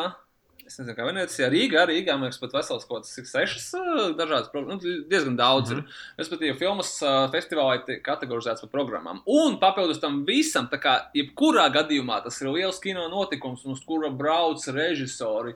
Aktieri, producenti, no tālāk uz uh, paralēli tiek rīkots kino tirgus, uz kuru brauc uh, filmu pircēji un pārdevēji viņas pārdot. Un, piemēram, Kanās, tajā pašā ēkā, kur notiek uh, konkursu programma un jā, visas pasaules mākslas un art, kino, arthouse kino. Grandi tur ir trešais stāvs, kur ir stendi, kuros, piemēram, tirgo Nikolasa Keidža uh, Dolfa Ungrēna, Mikija Rūrka un daudz citas filmas, kas ir daudz sliktākas nekā tās, ko es tikko, tikko nosaucu. Piemēram, visādi par runājošajiem suņiem, uh, šausmu filmu ar sniega vīru un, un kaut kādi vienkārši pilnīgākie vājprāti. Uh, Bāca, kā sauc to pērtiķu šimpanzī uh, zombiju filmu? Neatceros, tā kā zombijas. Zombijas, jā, pareizi. Kur viss Bet galvenais, ka kat, tur katrai, uh, katrai filmai savs plakāts, un uz plakāta blakus pierakstīts uh, obligāti uh, zombijas meets šimpanzīs, vai, vai uh, es nezinu, zombijas meets Beethoven vai kaut kas tāds. Vai arī, teiksim, tur ir trīs filmas, kurās ir pilnīgi viena tā pati aktieru sastāvs. Mikls Rudolfs, Ungrēns, Stīvs Kučūrs un kaut kāds vēl restorāns. Steve's Atkins, jā, jā. Skots Atkins, un viena filma notiek yeah, cietumā, un otra notiek otrā pasaules kara laikā, un trešā ir par policiju. Man liekas, ka viņas filmē tā kā līdz pusdienas laikam vienu. un pēc Tu redzi, ka visas vienas tas pašas lokācijas, jā.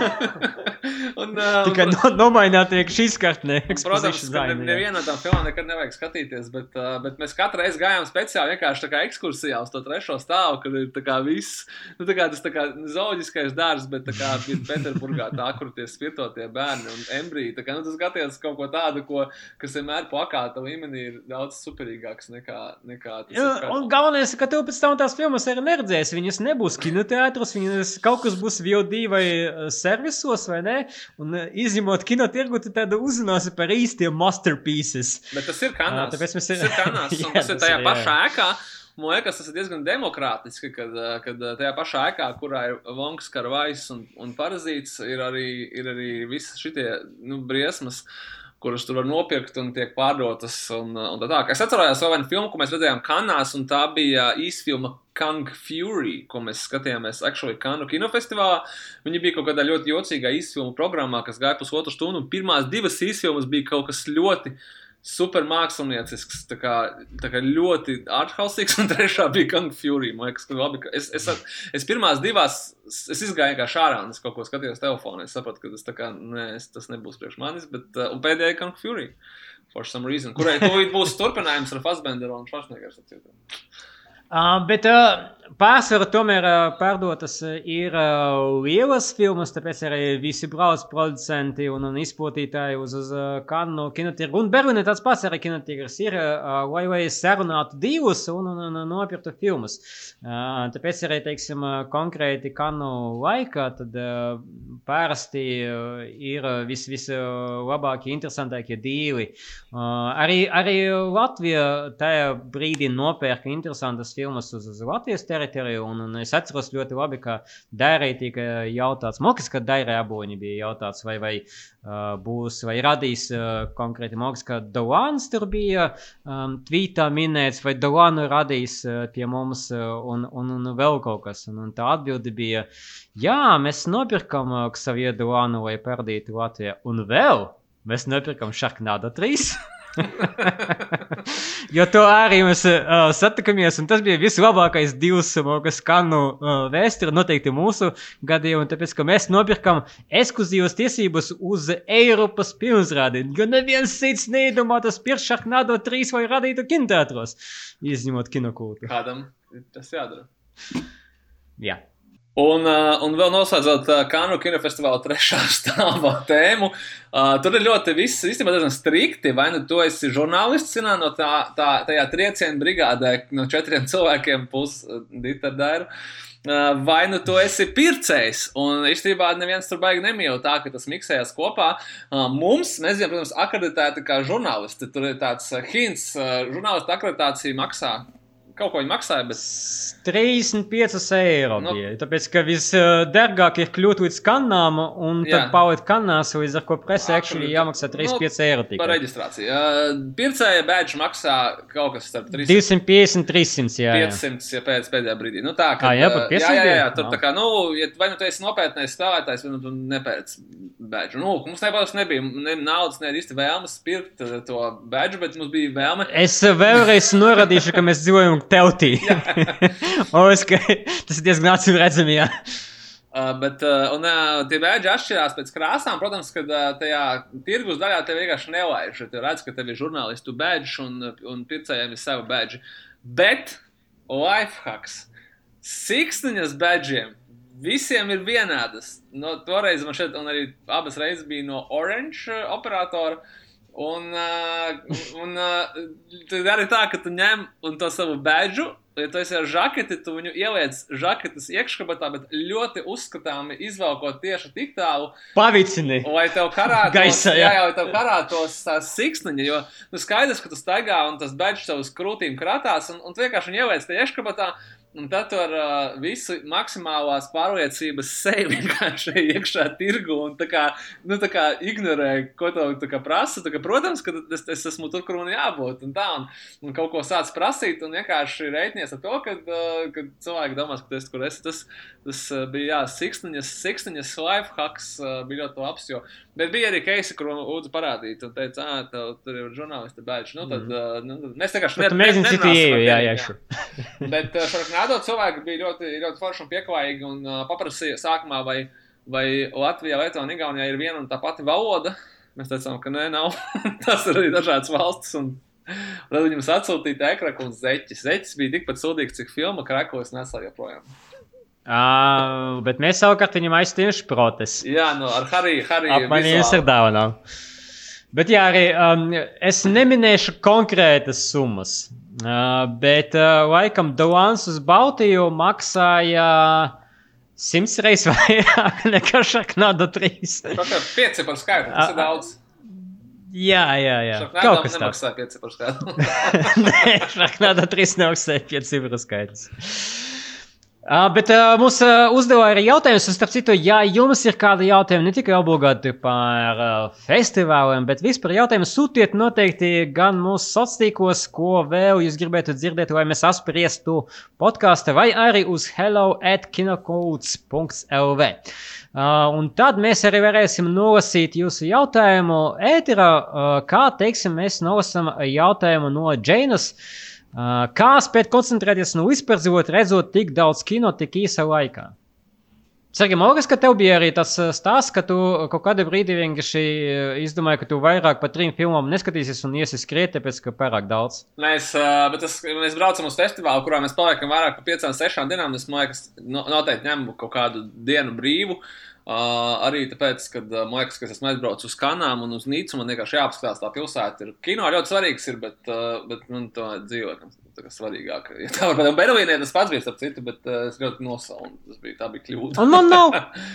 Nu Tas laikam ir tā, tāpēc, ka es sevi uh, īpaši nesaudzēju, un, un starp kanām, starp filmām vienkārši tas triks ir uh, iemācīties izdzert uh, vienu vai divus espreso šotus, lai neizmigtu. Un tāpēc, ka uh, es mēģināju ie- iebakstīt 4-5 filmas, un mēs vienreiz pat ar dzirtu esam uh, dabūjuši rekordu uh, un bija 6 filmas.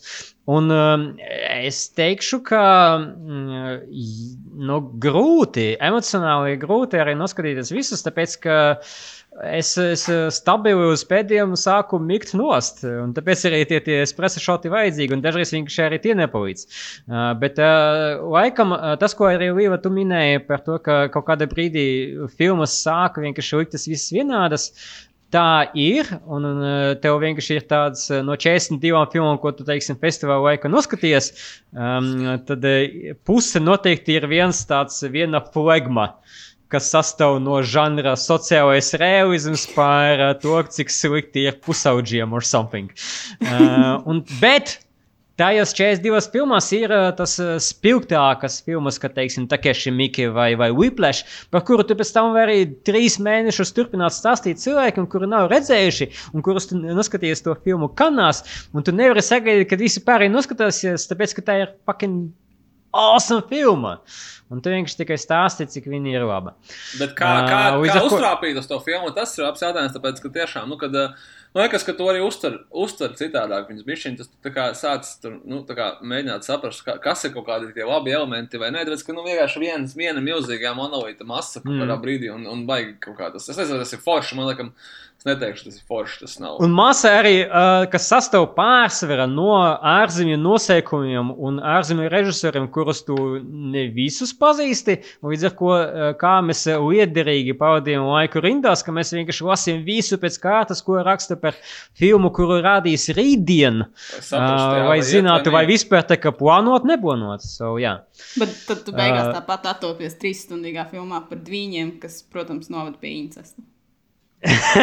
nu, I mean, es nezinu, ko tu gaidi no trīs stundu garas filmas par viņiem. Obviously, tur būs incest. Tas that's the payoff. Kāpēc tu vispār tur gāji? Nē, es to tu arī tur biji tajā pašā.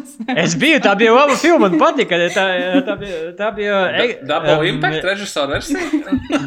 Filozofiska eksistenciālā filma. Es neatceros, kā viņa saucās, bet viņa bija fun. Es biju gan uh, arī aizgājis uz Love Deals četru stundu garu filmu, kur vienkārši puse no auditorijas izgāja un līdz beigām palika tikai 20%. Bet vienalga ļoti interesanta pieredze. Tu vari uzvilkt kā, nu, apmēram uz tiem visiem sēdekļiem. Tur ir social distancing to the max. Tu vari sēdēt kā tev, kā tev pašam ērti. Tāpēc, ka parasti tu esi kanās, tev nav kur sēdēt.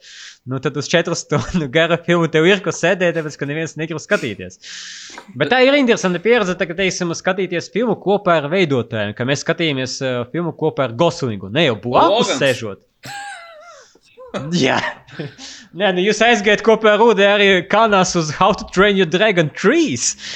Ar kaut kādu, Divi. es Es kas bija aizmigu. tieši divas. Es, vot šitais ir absolūti, tā, ka tu atbrauc uz Kanakina festivālu. Tev ir viss tas pilns radies, un tu aizēji uz How to Train Your Dragon. Ah, Un vēl aizmirst. Labi. Un aizmirst. un tad tu aizmirsti. Kā mēs noskatījāmies Rīgā, Mad Max, un tad mēs aizgājām kanālās vēlreiz uz Mad Max. Un droši vien es būtu aizgājis vēl vienreiz, tāpēc, ka viņš tik labs. Tas bija Pando. ir. Ne? Tā, kad, jā. Tas bija Mad Max. Tur uh, Nu, vajag, plus kas mēs arī satikām Džordžu Milleru.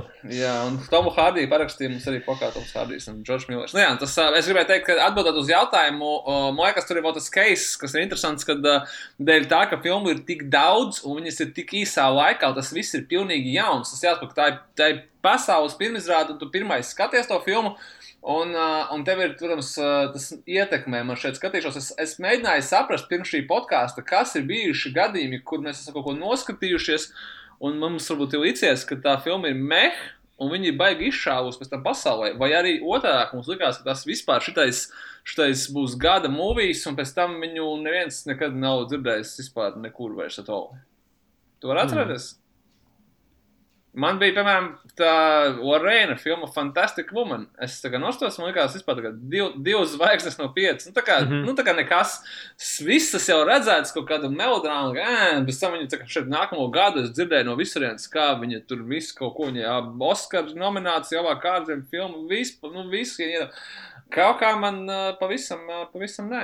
Un uh, es tagad domāju, kas, kas varētu būt pretēji, ko festivālā runāja visi, ka šitais būs beigais grāvējs. Mēs nebijām šajā festivālā, vai arī bijām, kad bija uh, filma, ko pēc tam radīja, vai nerādīja Rīgas kinofestivālā Utoja, jūn, jūnijas 22. Bet Tā nevis, bija Berlīnē. Jā. nevis no. Berlīnē, Jā, jā, jā, tas ir šeit, ka visi jā. teica, ka šī ir gada, gada spēcīgākā filma, un neviens viņu pēc tam nekad nav redzējis pēc tā festivāla. Man liekas, Es, vismaz tā kā Es redzēju, man patika. Nu, jā, bet viņa, viņa nu, es, es ne, nekas tam nenotika. Viss kā viņa neaizgāja. Bet bieži vien tā arī gadās, jā, ka ir uh, filmas, kuras uh, vienkārši pazūd, un tad tu izbaudi to, ka tu esi bijis klāt pilnajā auditorijā un redzējis tās filmas. Tas arī, protams, ir unikāls gadījums. Nu, Ir tīpaši, teiksim, ja, ja tev žūrijā sēž Merila Strīpa un viņa sēž tikai pāris krēslos, pāris rindas tālāk. That's also fun. Uh, tad var vienkārši savā CV pielikt klāt. Es esmu redzējis uh, filmu kopā ar Merilu Strīpu. Um, bet uh, vēl viens uh, jautājums, tad, uh, laikam, pēdējais, uh, ir kā tiek atlasītas uh, filmas festivāliem uh, no Brūsa Veina, kurš uh, visticamāk ir autor ego cilvēkam vārda Batmans. Nu, būtībā tur ir uh, vēl pirms vispār festivāls sāks, ir milzīga, milzīga atlase, uh, kur uh, tiek uh, iesniegts, nu, tā kā, es nezinu, kā nām tūkstošiem, pat vairāk filmu. Kuras tad tiek attiecīgi skatītas. Nezinu, cik daudz tur kāds no viņiem actually kāds noskatās. Mājas Ā, lapā rakstīts, ka noskatās pilnīgi visu no sākuma līdz beigām, bet nezinu, kas tas ir. Vai tas ir krēsls vai čipmanks vai... Nu, ka, respektīvi, pirms tam jau notiek uh, milzīga, milzīga atlase, un uh, beig beigās no tā tad tiek atlasīts tas kaut kāds uh, ļoti, ļoti minimālais skaits, kādi divi desmiti galvenajai programmai vai, vai vēl pārējām, ko jūs jau minējāt.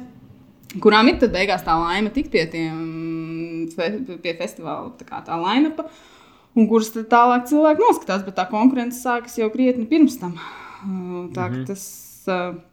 Nu, noteikti es pieņemu, ka, ja tev tā kā Kventas Tarantīnā pasaka, ka šogad būs mana filma, tad, nu, tad uzreiz, attiecīgi, uzreiz kanāls par vienu slotu ir mazāk, ar ko citiem sacensties. Tā ka, nu, tur ir noteikti ir kaut kāds arī preferences. Katram ir, daudziem režisoriem ir kaut kādi savi mīļākie festivāli. Nu, kā, teiksim, mēs zinām, ka, ja tā- būs Tarantīnā filma, tad visticamāk, viņš dosies uz kanālā, kur viņam ir jau bijis laba pieredze. Un, Un, attiecīgi, labas attiecības ar, ar, ar pašu festivālu. Savukārt, citiem atkal ir citas mīļākās vietas. Un, un, jā, tur tā cīnīšanās notiek katram.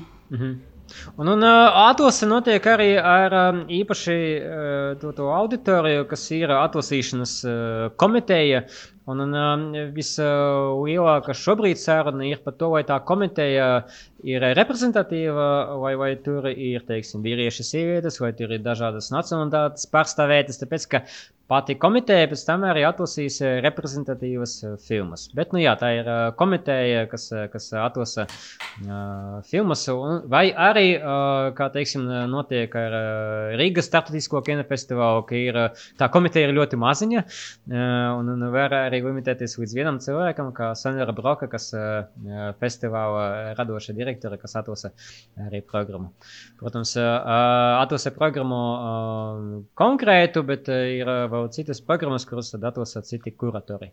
Zini, kā es jo es kļūstu vecāks, un jo vairāk es attiecīgi par to visu zinu, jo vairāk es tomēr uzskatu, ka tur, nu, tur ir nenormālas aizskuļu cīņas.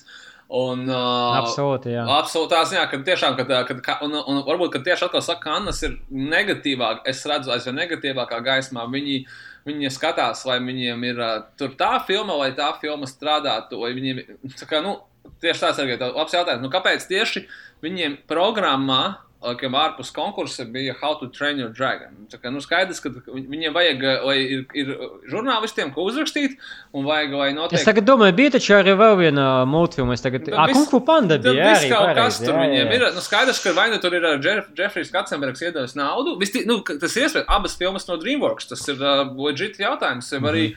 Uh, nepieciešams, atbraukts uh, noteiktas zvaigznes, kuras tēlo filmā, kas mums nav vajadzīga. Uh, katru reizi ir Budijs Salants ārpus programmas, tāpēc, ka cilvēkiem patīk. Nu, tā ziņā, ka tas ir atkal tāds LEGO bloks, kas tiek salikts. Un ļoti svarīgi, ja, piemēram, uh, kas būs vai nebūs Berlīnē, vai īpaši viņiem nepatīk Roma un Venecija, jo Berlīna tomēr ir gada sākumā bija citādāk, bet uh, kanām nepatīk Roma un Venecija, un tas ir apusēji. Un kas tad būs pie viņiem? Un kaut ko mums vajag paņemt, lai viņiem ierieptu, un, mm un, tad, uh, un tā tālāk. uh, Līdz ar ko Schēmas un Schēma, manipulācijas. uh, jā. līdzīgi kā ar Oskariem, ka Oskariem nav uh, objektīvi gada labāko filmu tops vai kaut kāda cīņa. Nu, tas ir šausmas, un es arī kinofestivālām iet, un kinofestivāla programmām ieteiktu to pašu. Teikt, ka tas ir šausmas. Protams, ka uh, neizbēgami tie cilvēki ļoti, ir ļoti kvalificēti, un viņi atlasa tiešām labas filmas, vai tādas, kā, kas viņiem šķiet labas, ar potenciālu, tur, ar, kas uh, pasaka kaut ko jaunu un tā tālāk. Bet uh, nu, viņu subjektīvais skatījums tur ir milzīgs tajā visā iekšā. un Tāpēc uh, tas nav tā, ka tu, ja tev būs laba filma, tu aizsūtīsi un tev vienkārši paņems. Var, varbūt tā var, var paveikties, bet nu, tas pazīšanas, protams, ka vienmēr ir savējie, savējie režisori, savējie autori, kas brauc, kur, ar kuriem Savēji režisori Un- plus arī tas, teiksim, ka uh, festivālam var būt kaut kāds konkrēts virziens, temats, kur viņi bīda šogad, un tad viņi izvēlas. Es atceros vienkārši, ka Berlīnē uh, gadās, ka ir um, gadi, kad ir uh, fokus uz uh, uh, female-driven uh, uh, filmām, vai arī fokus bija vien, vienu gadu uz uh, emigrācijas problēmu. Neaizmirsīsim vēl to, ka arī bieži vien paši filmu veidotāji reizēm tiek spiesti sasteigt savus filmus līdz ar to, ka viņiem obligāti vajag, uh, Vajag. paspēt uh, pirms, uh, lai ir gatavi vai uz kanām, vai uz kaut kādu Venēciju, vai uz kaut ko.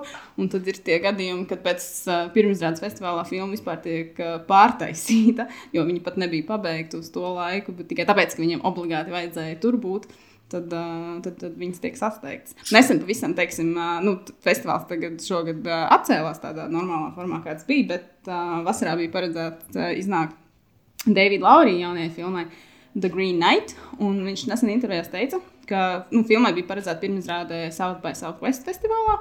Un viņš īstenībā ir ļoti priecīgs, ka viņš atcēlās, jo viņš tagad viņam ir laika patie, patiešām pabeigt to filmu, jo viņš būtu viņu sasteidzis uz festivālu, kur viņai vajadzēja būt pirmizrādē oficiālajai lielai un skaistai, bet tagad kā tas ir atcēlies, un nu, patiesībā filmas iznākšana pat par sevi karā aizgaisā, bet viņam vismaz ir laiks kaut ko tagad uh, izdarīt tā, kā viņš patiešām gribētu. Nu, mēs ceram, ka mēs atbildējām uz jūsu jautājumu. Mums bija arī jautājumi no Motonova un Lovitas B, kuru mēs jau laika gaitā atbildējām. Es ceru, ka mēs iedodam jums arī kaut kādu ieskatu par to, kā tad īsti notiek festivāli. Mēs paši nevaram sagaidīt uh, festivālus, uh, festivālu pasauli, uz kuru mēs dosimies tālāk. Uh, tad uh, mēs jau uh, minējām festivālus, kurus mēs esam bijuši, vai ir kāda festivāla, kurus, uh, kuru jūs gribētu nokļūt, Sergei? Jā, mums uh, esam uh, vairāk kārt runājuši. Uh, man, teiksim, vairāk patīk kaut kādi. Kaut kādi bijuši mazāki tādi žanra festivāli. Tas man liekas, ka tur ir tāda bijusi čomiskāka attieksme. Piemēram, tas pats, jā, Fantastic Fest, kur vairāk mūsu draugi ir bijuši, kas notiek Austinā, Teksasā. Tas ļoti tālu vienīgais. Un, un tā, bet te padās arī, piemēram, Sidžas uh, festivāls Eiropā un, un vēl daži. Spānijā. Kas, jā, Spānijā, kas ir, kas ir mazāki un kur ir. Uh, Nu, ir tāda forša sajūta. Pēc- Sitgas ir uh, sci-fi un, un horror uh, žanra festivāls. Jā. Jā, un, un, un tā, bet es pat ne, es negribu teikt, ka, teiksim, obligāti jābūt uz hororu un tā tālāk, bet uh, uh, Kanas un Berlīna tā ir gaļas mašīna. Tas ir vienīgais vārds, ko es varu apzīmēt. Tā tiešām ir gaļas mašīna. Ļoti daudz cilvēku, visu laiku kaut kas notiek, bet, uh, bet tu esi šausmīgi izsmelts. Un tāds varbūt tāda kino. Fanošana un svinēšana man šeit vairāk tādos mazākos festivālos. Bet uh, tā pašā laikā ir gaļas mašīna. Nē, nē, nē, uh, uzreiz nu, tā ir gaļas mašīna, bet vienalga, tā, ka tu esi tajā gaisotnē un, un, un, un uh, tu skaties ar filmēkiem. Vienalga, tie ir kino, tas ir kino prieks, viņš ir ļoti fiziski nogurdinošs Jā. kino prieks. Bet tas pats uh, garais mašīna ir arī Toronto kinofestivāls, kur arī gribētu ļoti nonākt. Tas ir milzīgs festivāls, kurā tiek pirmizrādīts ārkārtīgi liels uh, daudzums uh, A klases filmu. Tā skaitā no Hollywoodas, tā kā tas būtu viens no mērķiem. Līva? Uh, nu, es neesmu bijis kanālā, tā kā kādreiz gribētu izmalties cauri tai gaisa mašīnai, kaut vai vienkārši tā kā, nu, intereses. Tad tu pierakstīji visus tos uh, hintus, jā, tipus. Jā, jā, jā visas Eh, laikas man jau ir uh, atzīmēta. Tā kā teltī negulēt. hashtag. Mhm. Bet, uh, jā, nē, tas. Tu vari apskatīties manu pasi, kad tu būsi. Pierakstīšu pie Okay. Tudijas. Um, bet, uh, jā, nu, tā kā tas noteikti būtu ļoti interesants piedzīvojums. Un, uh, Uh, tādā nosaukuma ziņā vienmēr Toronto ir ļoti tāds, kur tā kā, mm. nu, tādas filmas, ko tu zini, ko tu visas pēc tam gribēsi redzēt, viņas pēc tam tur visas Oskaros būs, un tas pārējais tā, tas noteikti arī būtu kaut kas tāds. Bet arī visi noteikti. Vai piedošanā, uh, klausītājiem, par cik šis ir video podkāsts, tad, vai audio podkāsts, tad viņi neredz, ka tikko ienāca uh, Jeleko kat iekšā līvas video. Bet, uh, jā, nē, nu, tas, ko arī minēju, arī noteikti tie tādi mazāki, tādi nišīgāki festivāli. Tur noteikti kaut kāds pilnīgi citāds šārums tam visam ir. Un mm. uh, tad, tad tas arī noteikti būtu kaut kas, uh, ko izbaudīt. Es vēl pie, piemetīšu klāt, par cik mums jau veidojas uh, sarakstīns, es piemetīšu klāt tikai Sundance. un Arī vajadzētu apmeklēt vismaz vienreiz, uh, saprast, kas tur notiek, jo arī uh, daudzas, daudzas mūsu iemīļotas žanra filmas, kulta filmas, uh, arī pirmsrade bija kā arī Sundance, uh, līdz ar ko tas vienkārši uh, nu, gribās, uh, gribās apmeklēt. Ka, tomēr tā, tā vieta arī bija anturaša seriāla, līdz ar ko mums vajag izpildīt arī uh, šo bucket list. Kanas mēs bijām, kan, kan bija. Biju. ček, komikona tu biji, ček. Nu, ot vienīga Sundance palika. Tad Anturāža triloģija būs noslēgta. Yes.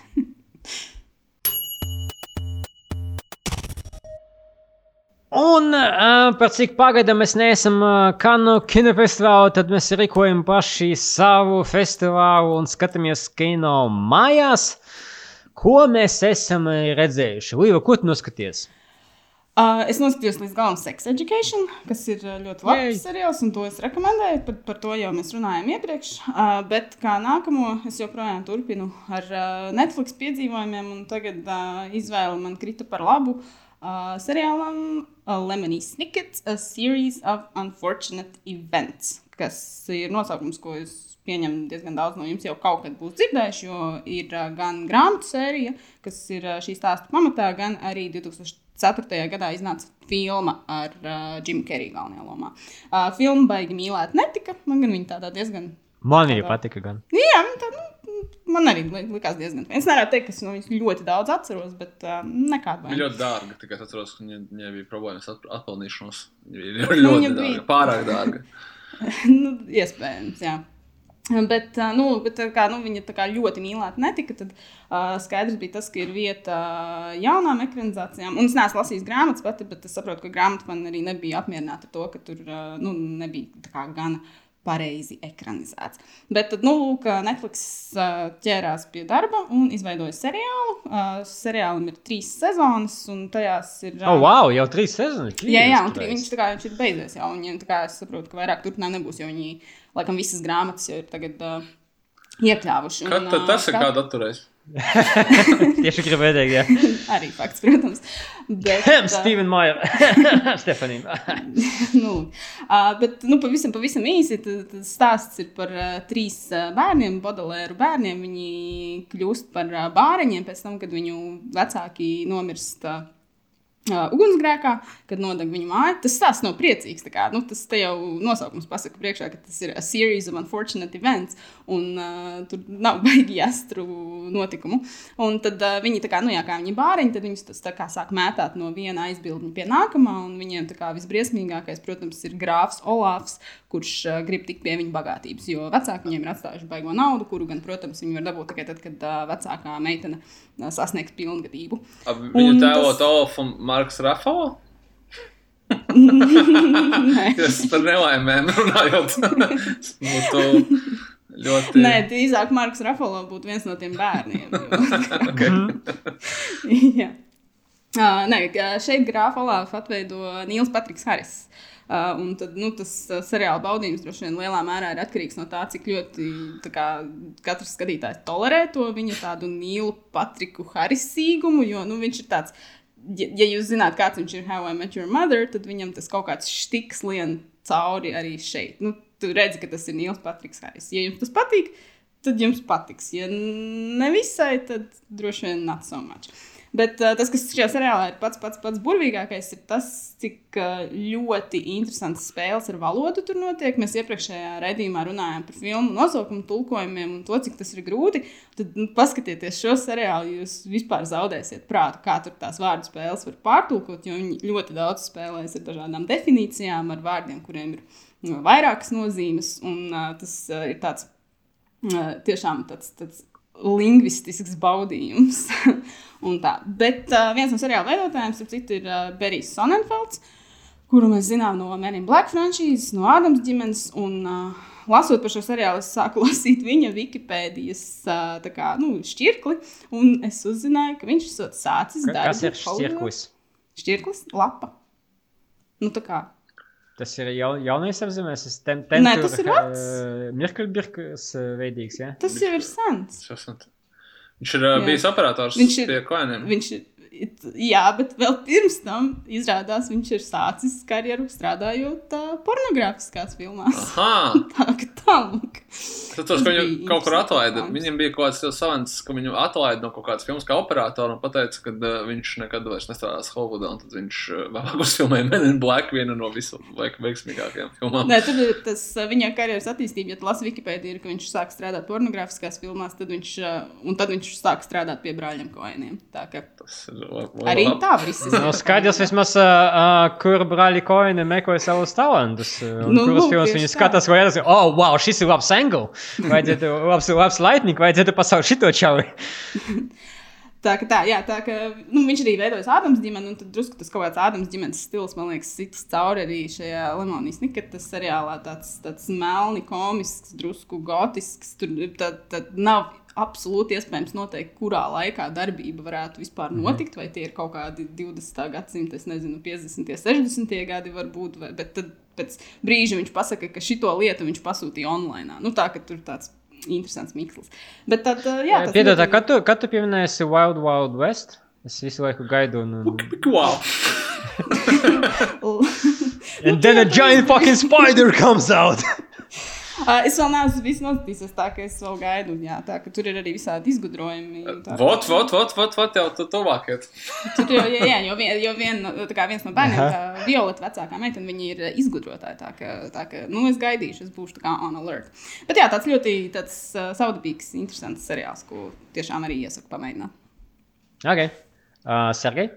Tu skatījās uh, Sonic filmu? Tā arī bija. A, kāpēc jau nopūtu? vienīgā filma, ko es redzēju par šo nedēļu, izņemot mūsu watchots, tas Terminator un, un vēl šo Jā. to, bet to es nevaru teikt pagaidām. Uh, bet uh, Pornogrāfiskas filmas ar uh, Bariju Sonfildu? tā, tā, tās būs nākamreiz. Tas tagad ir. Man, es nezināju šo faktu. Uh, es nebiju redzējis Sonic filmu, es biju palaidis garām kinoteātros, un man gribējās kaut ko vieglu un izklaidējošu. Un uh, es biju lasījis abas atsauksmes, uh, protams, uh, ņemot vērā, ka tā ir Sonic filma. Un uh, es atceros, ka es ļoti izbaudīju Pokemonu filmu. Un tā skaitā es izbaudīju tādēļ, ka parasti es esmu tas cilvēks, kurš kā reizi ir iedziļinājies tematā un vis, visās Marvel filmās zina visādas atsauces un tā tālāk. Un, uh, Pokemon filmās eh, vispār zināja to Pokemon konceptu, bet citādi viņi, diemžēl, bija man pagājuši vai par laimi garām dzīvē. Es neskatījos neko par viņiem un neko nezināju. Man bija ļoti interesanti, tikai tāpēc, ka es, neko, es beidzot neko nesaprotu. Finally, finally es esmu tas, tas dambēs, kas nesaprot nevienu Pokemonu un nezinu. Bet tagad es zinu divus. Es zināju Pikachu, un tagad es zināju arī Psyduck. Jā, un, un Sonic filma ir apmēram tas pats, kas uh, Pokemon filma, tikai par Soniku. Uh, un interesanti tas, Un ka, tur ir uh, tikai viens es, Pokemons, ja? joprojām Jā. Jā, Vieglāk es- atcerēties. Es, es, es esmu diezgan zinošs video spēlējis, bet Sonika spēles es atceros tikai un vienīgi no savas ļoti agras bērnības, kurus Segas viņi visi spēlēja. Un, uh, viņu stāsts Sega bija, stāsts bija tāds, ka tu biji Sonics un tev vajadzēja salasīt ļoti daudz tos gradzenus. Un tas arī bija tas spēles stāsts, manuprāt. Un vēl bija tur, nu, tur bija kas. Un tad tu, and then you become the Lord of the Rings? tur, tur bija tas mērķis? Robotniks un kas tur vēl, bet viņam nebija tāds baigais stāsts. Un, uh, un šeit, jā, šeit uh, rekur atkal.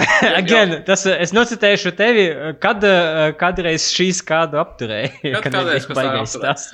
Um, uh, šajā filmā mēs redzam arī Jimu Keriju. Atgriežamies uh, ne gluži jau Emanijas Nikita filmā, bet atgriežamies mm pie tāda tāda ķēmveidīgā Jima Kerija, kurš ir ļoti ekspresīvs. Un īstenībā Tas ir beigas forši kaut kādā ziņā. Tas nav tas, nav tas pats James Kerijs no maskas un Wire Wire, tāpēc, ka tas ir cits cilvēks, viņš ir izaudzis. Un, un tomēr nu, skaidrs, ka tas nav, nu, viņš nebūs arī tas pats, bet ir diezgan fēni, jo viņš ļoti izbauda to savu tā, to, to piedalīšanos. Un tā filma ir tāda ļoti ļoti nekaitīga, manuprāt, nekaitīga piedzīvojuma filma ar CGI personāžu, kurš uh, interakto ar aktieru Jamesu Marstenu, kurš, man liekas, tā ļoti daudzās tādās filmās piedalās kaut kādu iemeslu pēc. Un, uh, un es, es, es, Paycheck. es viņu kaut kādā ziņā izbaudīju tikai tāpēc, ka uh, es biju ļoti priecīgs, ka uh, Hauda kā minimums ir iemācījusies paņemt tādas, jā, uh, tādas zīmolus kā Pokemons vai Sonics, kuriem es atļaušos, un es atvainojos iepriekš podkāstu klausītājiem, manuprāt, nav īsti sižeta tāda. Nu, un, un viņi ir iemācījušies ekranizēt šāda veida video spēles tā, ka tā vienkārši piedzīvojuma filma. Ka, ja, ja es nezinātu, ka viņi balstītu uz spēles, manuprāt, nekas man beig netrūktu no tā visa. Un Tā, nu, tāds, tāds ļoti, ļoti feins. Viņam producents ir Tims Millers no Blue Studio, un, uh, kas ir uh, Deadpool, Deadpool režisors un jaunā Terminator režisors. Un viņi, viņi ir kā bišķiņ virs tādas vidējas bērnu vai ģimenes filmas, kaut kas viņā tāds, tāds ļoti, for, ļoti, ļoti foršs un feins, kā viņi salikti kopā. Bet arī tas saka, nekas īpašs. Bet tajā pašā laikā nu, tas, tas, tas, to pašu mēs varam pateikt arī par Pokemonu filmu. Tas ir tas vienkārši foršs forš izklaide, kas varbūt pat ir labāka nekā tu no viņas gaidi.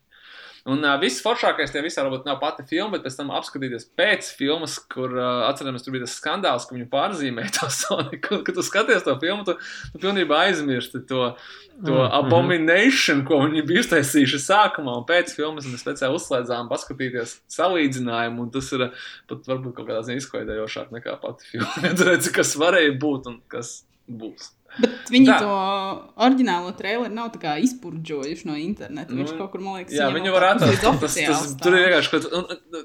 Ieslēdzot, Nu, kas nokļūst internetā, paliek internetā. Ieslēdzot viņu uzreiz pēc filmas, tas ir vienkārši tāds šoka terapija. Kas tas tur tikko tas Sonics ir foršs filmā? Un kas tas Un tad uzreiz tā kā varēja būt sliktāk. Varēja būt drausmas.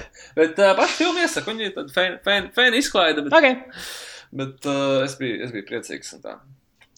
Nu, es skatos, ka mēs pārsvarā tad um, devāmies infantilizmā, un uh, es tad mēģināšu atšķaidīt, jo es noskatījos.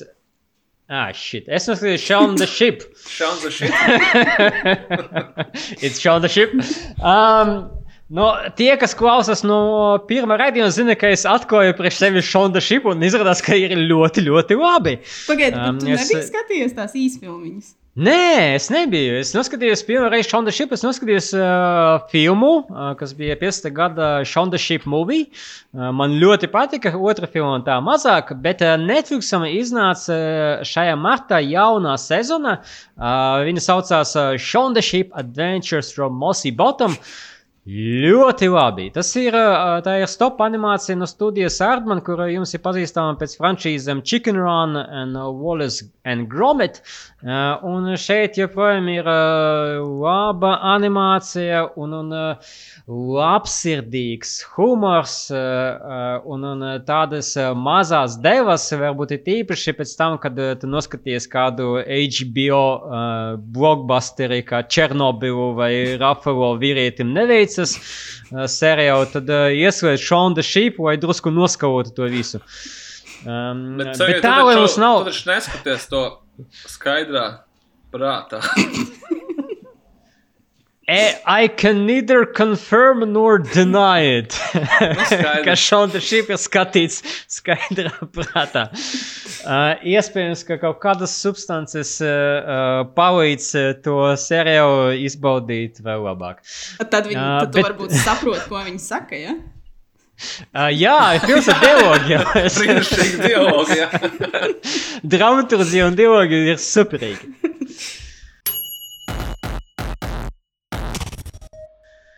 Nu, lūk, bet mēs visi kopā savukārt noskatījāmies filmu Clue mūsu rubrikā Watchlistes Terminators.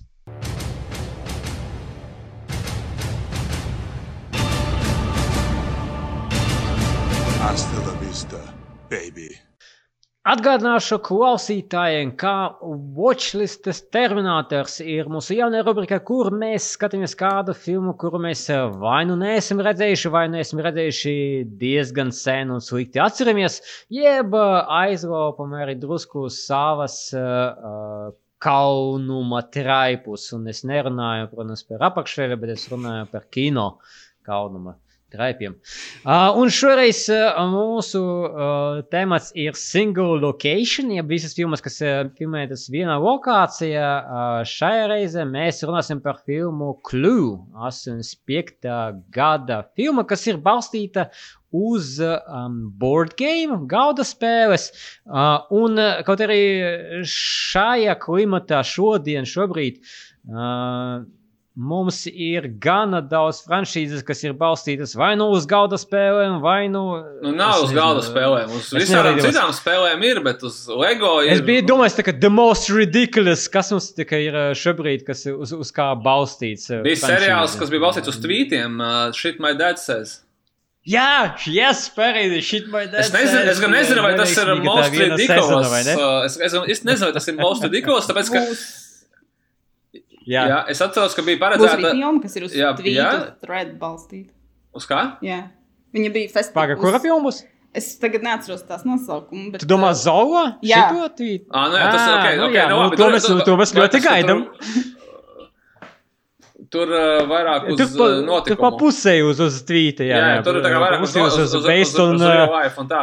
Bet man liekas, ka uh, idiots. semi-true. Es nezinu, vai tas ir uh, real life vai semi-real life, Kas? bet noteikti redzēsim.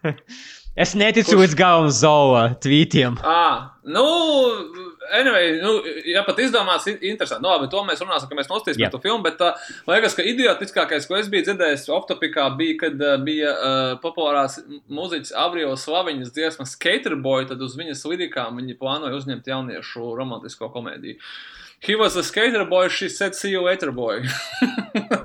ja tu atceries, nu tur bija tāds viegls stāsts, bet, bet totally tā kā makes sense, kad skaidrs, nu jā, nu, bet neuzfilmēja.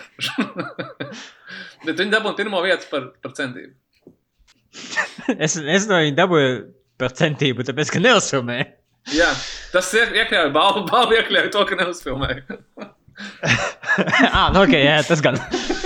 Tas padara to vēl labāku, kad ideja ir laba, bet nevajag jau filmēt. Tāpēc. Bet 85. gada uh, fakts, ka ir uzfilmēts uh, balstoties uz galda spēles, tas tomēr bija kaut kas jauns uh, priekš Hollywoodas, un ne visiem bija skaidrs, uh, kā tieši uh, šo, kā tieši šī filma taps. It tīpaši tad, kad uh, veidotāji paziņoja, uh, John Landes scenārijs paziņoja, ka, hei, viņš uzrakstīja trīs dažādas uh, beigas, un, un uh, izprotot filmu kinoteātros, katra kinoteātrī bija dažādas beigas. Līdz ar to tu arī vismaz pēc plāna tu aiziesi uz trim kinoteātriem, dabūsi visas trīs beigas, bet realitāte filma izgāzās. Un ne, neskaties nevienas no beigām. Daudzi, daudzi skatītāji. Uh, bet uh, kā mums vispār patika? Kā Līva tev patika 85. gada filma Clue? Uh, kopumā man patika. Tas bija diezgan jāstras gabaliņš, jo tā ir tāda nu, arī ļoti melna komēdija patiesībā. Mums ir kaut kā sanācis tā, ka visas filmas, arī, ko mēs skatāmies šajā rubrikā, ir bijušas par slepkavībām. Damn right! arī ir par slepkavību. jā, jā. Bet, zini, kā, vai nav tā gluži, ka, ja mēs paši uh, izdomājam, nosacījam, ka tas ir single location, tad ko visinteresantāko tu vari izdomāt uh, vienā lokācijā? There's been a murder! Un tas ir te, ka jau, jau viss. Nu, tā sanāk, laikam, jā. Un, uh, bet, jā, nu, šis bija tāds salīdzinoši krietni jāstrāks gabals par 12 Angry Men un Rope. Un tur ir ļoti daudz tādu komisku elementu un arī daudz tādas fiziskās komēdijas, tā saucamās. Uh, un tādas pirmās trīs, divas trešdaļas, trīs ceturtais filmas bija tiešām, tiešām burvīgas, bet tad, nu, drusku tā enerģija viņiem, man liekas, zuda uz filmas beigām, kad jau tur sāka tā kā drusku pārāk daudz bija tādas stāstīšanas, kas notiek un tādas ņemšanās. Tā varbūt nu, nebija tādas tas, tas, tas kulminācijas, kādas gribētos. Bet kopumā bija diezgan jāsaka. Pagaidiet, jau vēsos trīs nu, kulminācijas. Ko tas nozīmē? Vēl vienu nu, vajadzēs, nesaprotu. Nē, nu, kaut kā varbūt pat ne pašas, pašas beigas, bet tā, tas, kā viņi līdz tām beigām tika, tur jau tu, tu, tu sāc jau drusku apmaldīties. Man, visus, man patika, uh, es lasīju, uh, lasīju atsauksmes par filmu vecas, un, un uh, ļoti pazīstams uh, kinokriticis uh, Siskevs pateica, ka tai filmai vajag nevis trīs nobeigums, bet trīs middle parts, kas būtu labākas nekā esoša middle part. Uh, jā, bet, uh, bet uh, kopumā interesanti. Nu, tas, ko es uh, nevaru nemanīt, nu, protams, tie ir 80. gadi, tie bija drusku citi laiki. Un jāņem arī vērā fakts, ka tie tēli, kas šajā filmā ir, tādi, ir tādi, nu, tādas tā kā klišejas, kā vairāk tādi tā kā arhetipi. Viņi nav varbūt kā, ļoti rūpīgi izstrādāti kā, kā personāši. Nu, viņi kā vairāk simbolizē kaut ko. Nu, kā jau galda spēlē, mm. viņi būtu. Tur ir, kā, ir uh, ofi, nu, mājkalpotāji, tur ir pavāri, tur ir uh, sulēns un tā. Un tad nu, tu, tur ir tur tāda 80. gadu seksisms, visām dāmām tiek kniepts dibenā. Un, Domā, to Marko potāju, kas vienkārši uztaigājošs jā, jā, simbols tam visam. Kur no, apkalpoties The Running Joke ir, oh, viņi ir krūtis. jā, vai kad viņi apsēžās tā, ka un pavicina svārks tā, ka visi apakšveļi redz. Nu, Pagaid, es varbūt šito pavadu garām, man vajadzētu vēl. Skrūtīs, skaties, jā, jā, jā. jā. Jo viņai ir tādi ļoti, ļoti īsi tie svārki, un tad viņa vienā brīdī apsēdās uz dīvāna. Pat, nu, tā kā, kā tu apsēdi, nu, jūs nezināt, jo jūs droši vien svārkus nevalkājat. Bet, Tikai brīvdienas, jā. Nu, viņi, jā, nu, kad tu gribi tā smuki nokt, tad viņas tā kā, nu, tu drusciņi pacēli, bet viņi viņas pacēli tā kā līdz krūtīm. uh, nu, jā, tas, tas bija tas, kā viņi varbūt pret tām dāmām izturējās. Un jāņem vērā arī, kā filma, jā, 80. bet uh, darbība notiek 50. bet pati spēle bija veidota 40. līdz ar ko um, tas viss seksisms un homofobija ir trickles down un paliek līdz jā. 80 nu, gadiem. Lūk, tu vēl, jā, vēl arī minēji homofobiju, jo viens no personāžiem ir, uh, ir gejs, un tad uh, neviens vīrietis viņam blakus negrib. Bet viņš beigās pasaka, ka I'm ok, un tā kā visi tādi, fū, jā. tad, ah, jā, nu tā kā, nu, jo tas taču tā, nu, jā, nu, viņš taču vēl esot precējies, un uh, kas tik tā. Tā, nu, varbūt tur tāda elementa arī no mūsdienu viedokļa skatoties nav pārāk baudām, bet, uh, ja, ja, ja to tā kā pišķiņu paignorē, tad tāds, tad fēna komēdija. Sergei? Kā jums? Jā, viņa, viņa, viņa bija pārsteidzoši izklaidējoša. Es, es viņu gan, gan, gan pats, gan arī jums, gan arī klausītājiem ieteiktu noteikti skatīties salīdzinājumā ar to mūsu mēnešu ā, filmu tēmu un to, ka mums bija Rope, un tad mums bija 12 Angry Men, un tagad mums ir Clue, un tad ā, neizbēgam tu salīdzini viņas ā, savā starpā, un mm Mhm. -hmm. nu, šī bija tādēļ viss izklaidējošākā, bet tas arī viss, tukšākā. Ne, ne nozīmē, bet, ā, bet tas tiešām tāds. Tāda, kā, kā teikt, viņa, viņa, bija, viņa bija komēdija, bet nevis galvenā komēdija. Un viņa, viņa bija tāda, tas stils vai šarms, kas ir viens puses tāds bijis britisks, man likās, no otras puses vispār tā kā galīgi nē. Viņa tāda, nu, tāda vulgāra, ļoti amerikāņu stilā vulgāra. Uh, pat ja viss notiek uh, sauropnamā, un viņi visi tur beig uzcirtušies un tā. Bet uh, man ļoti interesanti apskatīties. Es biju visu savu mūžu dzirdējis par to filmu Kļūnu, es nekad nebiju viņu redzējis. Mm -hmm. Un vienmēr viņi tiek pieminēti, un viņi visi, visi mūsu iemīļotākie režisori vienmēr sauc kā kaut kādu piemēru. Tur, uh, okay, skaidrs, ka tagad viņu skatīties īpaši pēc naivas zelta, tas ir pavisam citādāk. Tu skaties uz to, ko saproti, kad, uh, kad Naiva Sala tev daudz citātu šo filmu, un viņas ir ļoti, ļoti līdzīgas kaut kādā ziņā, vismaz tā kā vizuāli. Un, un, nu, tā kā, bet ne tikai Naiva Sala, bet ir daudz ir minējuši, ka Kļūda ir tā kā viņa tāda ultimate, uh, ultimate whodunit filma, ka, lai gan viņa ir, manuprāt, apzināti domāta mazliet kā parodija. Tas, tā kā, tas, tas nevar būt citādāk, tāpēc, ka viņi ir uh, galda spēles ekranizācija, kas nozīmē, ka viņi vienkārši kaut kādā ziņā parodē bišķiņi tāds žanra klišejas un kaut kādus paņēmies. Tas noteikti nav tā kā īsts, īsts detektīvs. Un uh, mm. es redzēju, jā, es, es, es mēģināju, sap, mēģināju saprast, uh, es nepierakstīju, kuri tie momenti bija, kad tu skaties, un es saprotu, es neesmu spēlējis šo galdu spēli, es nezinu viņas noteikumus, es, es nezinu, es saprotu, ka tas ir. Uh, vai es vieno teikumu vienkārši pieminēšu tos noteikumus, jo um, uh, viss notiek tad uh, in Victorian Mansion, tad vecajā, vecā parauga māja, kura nu, jau ir kļuvusi par šausmu filmu klišejisku etalonu, tad tur notiek kaut kādas briesmas. Un tajā mājā ir seši suspekts, jeb mūsu seši galvenie varoņi, ir seši dažādi ieroči un ir deviņas istabas, un visa būtība ir izējot ar spēli, tā kā atminiet, kurš nogalināja to vienu cilvēku, tāpēc, ka tev ir hinti, ir, vienam ir tas ierocis, viens atrodas tā istabā un tā tālāk. Nu, Jā, un, un tad redzi, kad parādās filmā kaut kādi momenti, un tu īsti nesaproti, kāda viņiem, kāds viņiem negluži sakars, bet tu saproti, ka viņiem visticamākais ir tie tie momenti, kas ir no spēles, ka viņi vienkārši ir ielikuši apzināti, ka tam tur ir jābūt. Nu, Okay. Nu, tā, Nu, tas teiksim, tie, tie ieroči arī. Jā, jā, tas nav tā kā traucēja. Tas vienkārši tur pieņem, ka tie spēles noteikumi kaut kādā, nu, varbūt tev līdz galam īsti nezināmai spēlē, bet, uh, bet jā, bet vata filma ir tāda, uh, viņi, pa- viņi diezgan patīkami skatījās, tāpēc, ka tie aktieri, viņi ļoti tādi kā kariķēti izbauda, ko viņi tēlo, un tas tā baigi feini ir. Bet neko tā kā stipri vairāk, es sakam, to nepateikšu. viņu. Mhm. Um, es, es, uh, es piekrītu, man arī likās uh, um, gan uh, viegli. Uh, bet uh, es uh, esmu priecīgs, ka mēs tad uh, atciksējām un noskatījāmies filmu, par kuru tik daudz ir runāts, ka tā ir kulta filma. Uh, un varbūt uh, viņa tāpat kā ar Lebowski kļūs kādreiz arī mana mīļākā filma, bet šoreiz es noskatījos un es tā kā, ok, wow, this is done.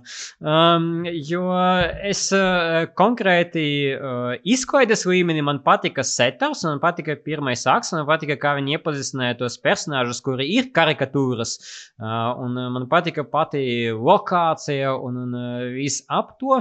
Un tad tā vidus daļa, uh, viņa ir tik ļoti nekonkrēta, un, tur tā, ka viņi vienkārši skraida no istabas uz istabu, un tev, nu, tu saproti, jā, ka tā ir uh, patiešo ekranizācija, tad uh, tas uh, spēles, kura ir skraidīšana no, no istabas uz istabu. Bet uh, kā filma, es neesmu pārliecināts, ka man viņa uh, likās tik ļoti izklaidējuši. Ir tieši tāpēc, ka tu saproti pēc loģikas, dramaturgijas loģikas, ka viņš mēģināja ielikt kaut kādus hintus, lai būtu viens no nobeigumiem. Bet, uh, ja parastajā Hudanit filmā tev ir viens nobeigums, un tu samet kā Ryan Johnson ar filmu Nice Out kaut kādu ļoti konkrētus elementus- tad šeit vai nu tev vajag uh, nekonkrētus elementus likt, lai tev būtu trīs dažādas nobeigumi, vai nu tev vajag uh, likt tik ļoti daudz elementus, ka daži būs svarīgi, daži būs nesvarīgi. Līdz ar to sanāk, ka kainda tev vidus daļa ir tāda me.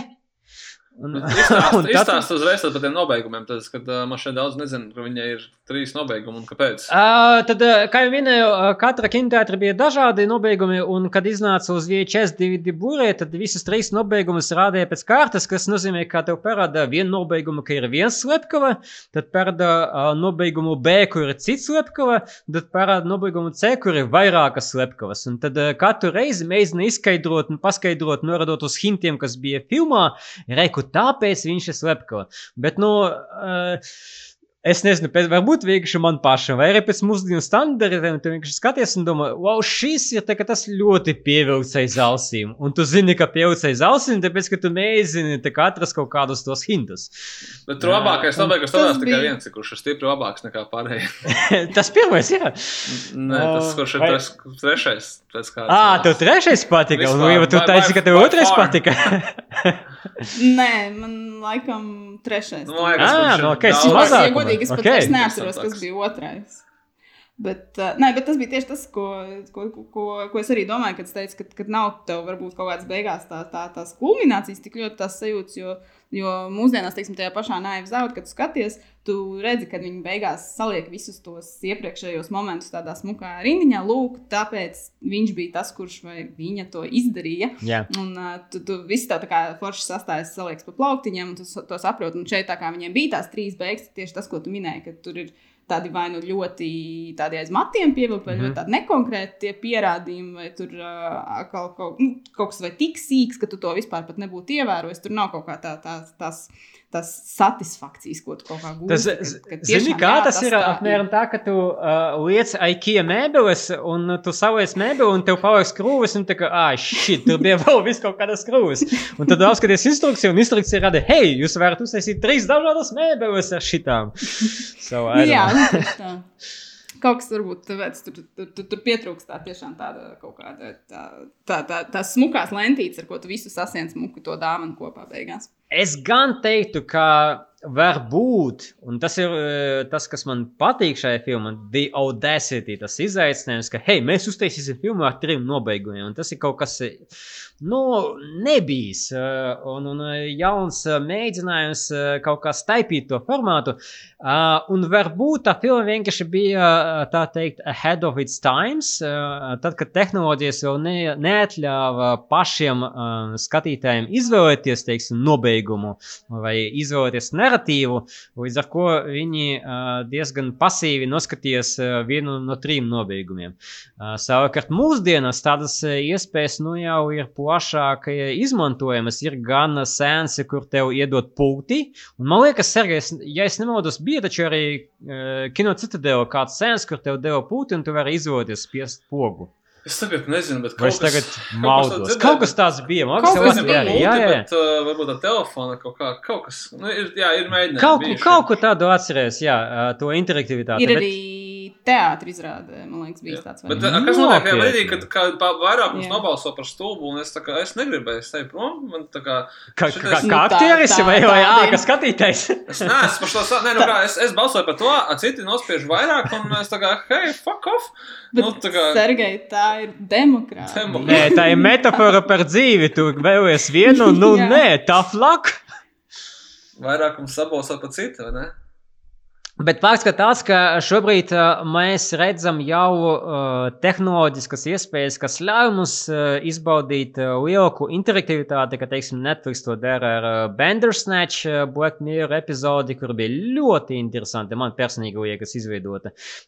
Gan arī ar Unbreakable Kimi Schmidt, kur tu vari tad izvēlēties, kā virzīsies tālāk nobeigums, un tad arī, man liekas, tas nebūs tik ļoti daudz lieko detaļu. Nu, un, teiksim, ja mēs ejam pavisam dziļi uz nākotni, tad Džona Afro stāsta, ka, vat, reku, viņi filmējot Lion King, uzbūvēja ves veselu pasauli, kur mēs varam iemest cilvēku ar VR brīvēm iekšā, un tad viņš vienkārši var plīst par uh, Mufasa karaļvalsti, vai es atvainojos, Simbas karaļvalsti, Resn Peace Mufasa, pa Simbas karaļvalsti viņš var klīst, un tad uh, izbaudīt visus Timona un Pumbas uh, piedzīvojumus. Līdz ar ko uh, iespējams, ka ahead of its times, un, un es, nees, es esmu pārliecināts, ka neesmu viens, eh, kas tā domā, tāpēc, ka nu, jau vairākus gadus eh, studijas eh, un Hasbro, kam pieder tiesības uz galda spēli, mēģina uztaisīt remake. Un, un pēdējās ziņas bija tieši no šī gada februāra, ka um, James Bobin, kuru mēs pazīstam pēc uh, uh, seriāla Flight of the Conquerors, viņš, viņš bija viens no veidotājiem, um, uh, kā arī uh, Mapetu franšīzes. Uh, tad, lūk, viņš arī veidos, cerams, uh, jaunu remake, un es uh, domāju, ka viņi izmantos visas tehnoloģiskas iespējas, lai, lai uh, šito gimiku padarītu par uh, vēl interesantāku. Redzēsim. Redzēsim. Redzēsim. Bet, Jā. bet uh, par tām galdspēlēm runājot, es tā sāku domāt, ka nu, na, mēs jau sākumā runājām par to, ka nav ļoti daudz filmu, kas ir tieši uz galdspēlēm bijušas balstītas, un ka laikam šī varētu būt īstenībā jēdzīgākā, ko es esmu redzējis. Nu, teiksim, LEGO nesauksimies par galdspēli, tā ir otra lieta. Tad, Nē, nu, tas tikai tāpēc, ka community ir seriāls, un tu nevari izmantot Dungeons and Dra- Dragons sērijas kā, kā galda spēļu ekranizāciju. Jā, Nu, Vienīgi bet tas. bija tā Vina Dīzela Dungeons and Dragons taču filma kaut kāda. Kas būs? Nu, kas, es neatceros. Kā lūdzu? Nē, nē, nē, viņam bija filma. Es tagad neatceros precīzi, kā viņš sauc. Sergei, tu noteikti zini šo filmu. Tā nav Dungeons and uh, Dragons. viņš... Fast and Furious. Nu, bet viņa nebija Nē. iedvesmota no Dungeons and. Dragons. Pitch Black. Nē, ne jau Ridiks. Uh, tas, kuram bija parūka, tā viena filma. Witch Hunter, bet ne, viņi nebija sakars. Nē, nē, nē, nē, nē. Nebija? sorry, tad bija, divas filmas, kur viņi bija māti. Viņš vienreiz spēlēja advokātu, kur Find viņa me bija tāda guilty. visa frizura. No, Jā, starp citu, no režisora, kuram mēs pagājušajā gadā skatījāmies filmu, tā ir man šeit viņa pēdējā filma. No Umie. Ja es nemaldos. Jā? Jā. Tā jocīgā kārtā. ir- Sidnejumie. Tā bija Found Me Guilty? Oh, Jā, Pak- pārbaudu tagad. Vai mēs To Jo man liekas, pēc tam skatījos, es gribēju pasties, ko es vēl neesmu redzējis no Umie filmogrāfijas. Man liekas, ka tas Find Me Guilty. Tad ir skaidrs, kāpēc viņas divas viņā filmējās, protams. Bet viņam tur bija parūka. Tāpēc, tāpēc Bet ka parūka. tā, tā bija tā. Tāpēc, ka tā, tas ir pavisam cits bija The Last- personāžs. Jo viņi ir mati. The Last Wow. Witch Hunter. Uh, viņi, laik, viņi nav tā kā tieši balstīti Dungeons and Dragons, bet nu, tur tā mīlestība. Jā, tur tas stāsts, ka viņas divas vienkārši ir traks fans Dungeons and. Dragons, un tāpēc viņš vienkārši gribēja fantasy filmu filmā filmēt. Pilspēdējā. Pirmspēdējā, jā. Bet tas Jā. ir Umie filma. Interesanti. Mm, jā, jā, jā. Nu, bet uh, pat ja mēs to atmetam, tad mums vēl bija Battleship. Battleship kas- pats uh, labākais Transformeru esat remakes, kuru nevienam nevajadzēja. Bet tas jau, ka jā, es nezinu, nē, šī, šī vakam tomēr būs, kļuva būs tā kā lab, labāka filma par Battleship, jā. Un Audžers neesmu redzējis. Nu, pagaidi, bija arī arī- taču uh, monopols. Nu, nebija. Wall Street. Wolf of Wall Street. jā, jā, Wolf of Wall Street monopola ekranizācija. Nu, kaut kādā ziņā, jā. Tā tad ir labākā. Bet, uh, nu, tā kā jā, laikam ir iespējas izpausties šajā, šajā žanrā. Cirks. Nav. Es sāku, es sāku domāt. Čapājev. cirks, jā. Nu, cirks, no cirka, cirka, cirka ekranizācija vajadzētu iesniegt, jā. Kādam. Es domāju, ka mēs apvienojam vienkārši uh, to filmu, kas top uh, Zola ar uh, Zolīti un, un uztaisam mega franšīzi.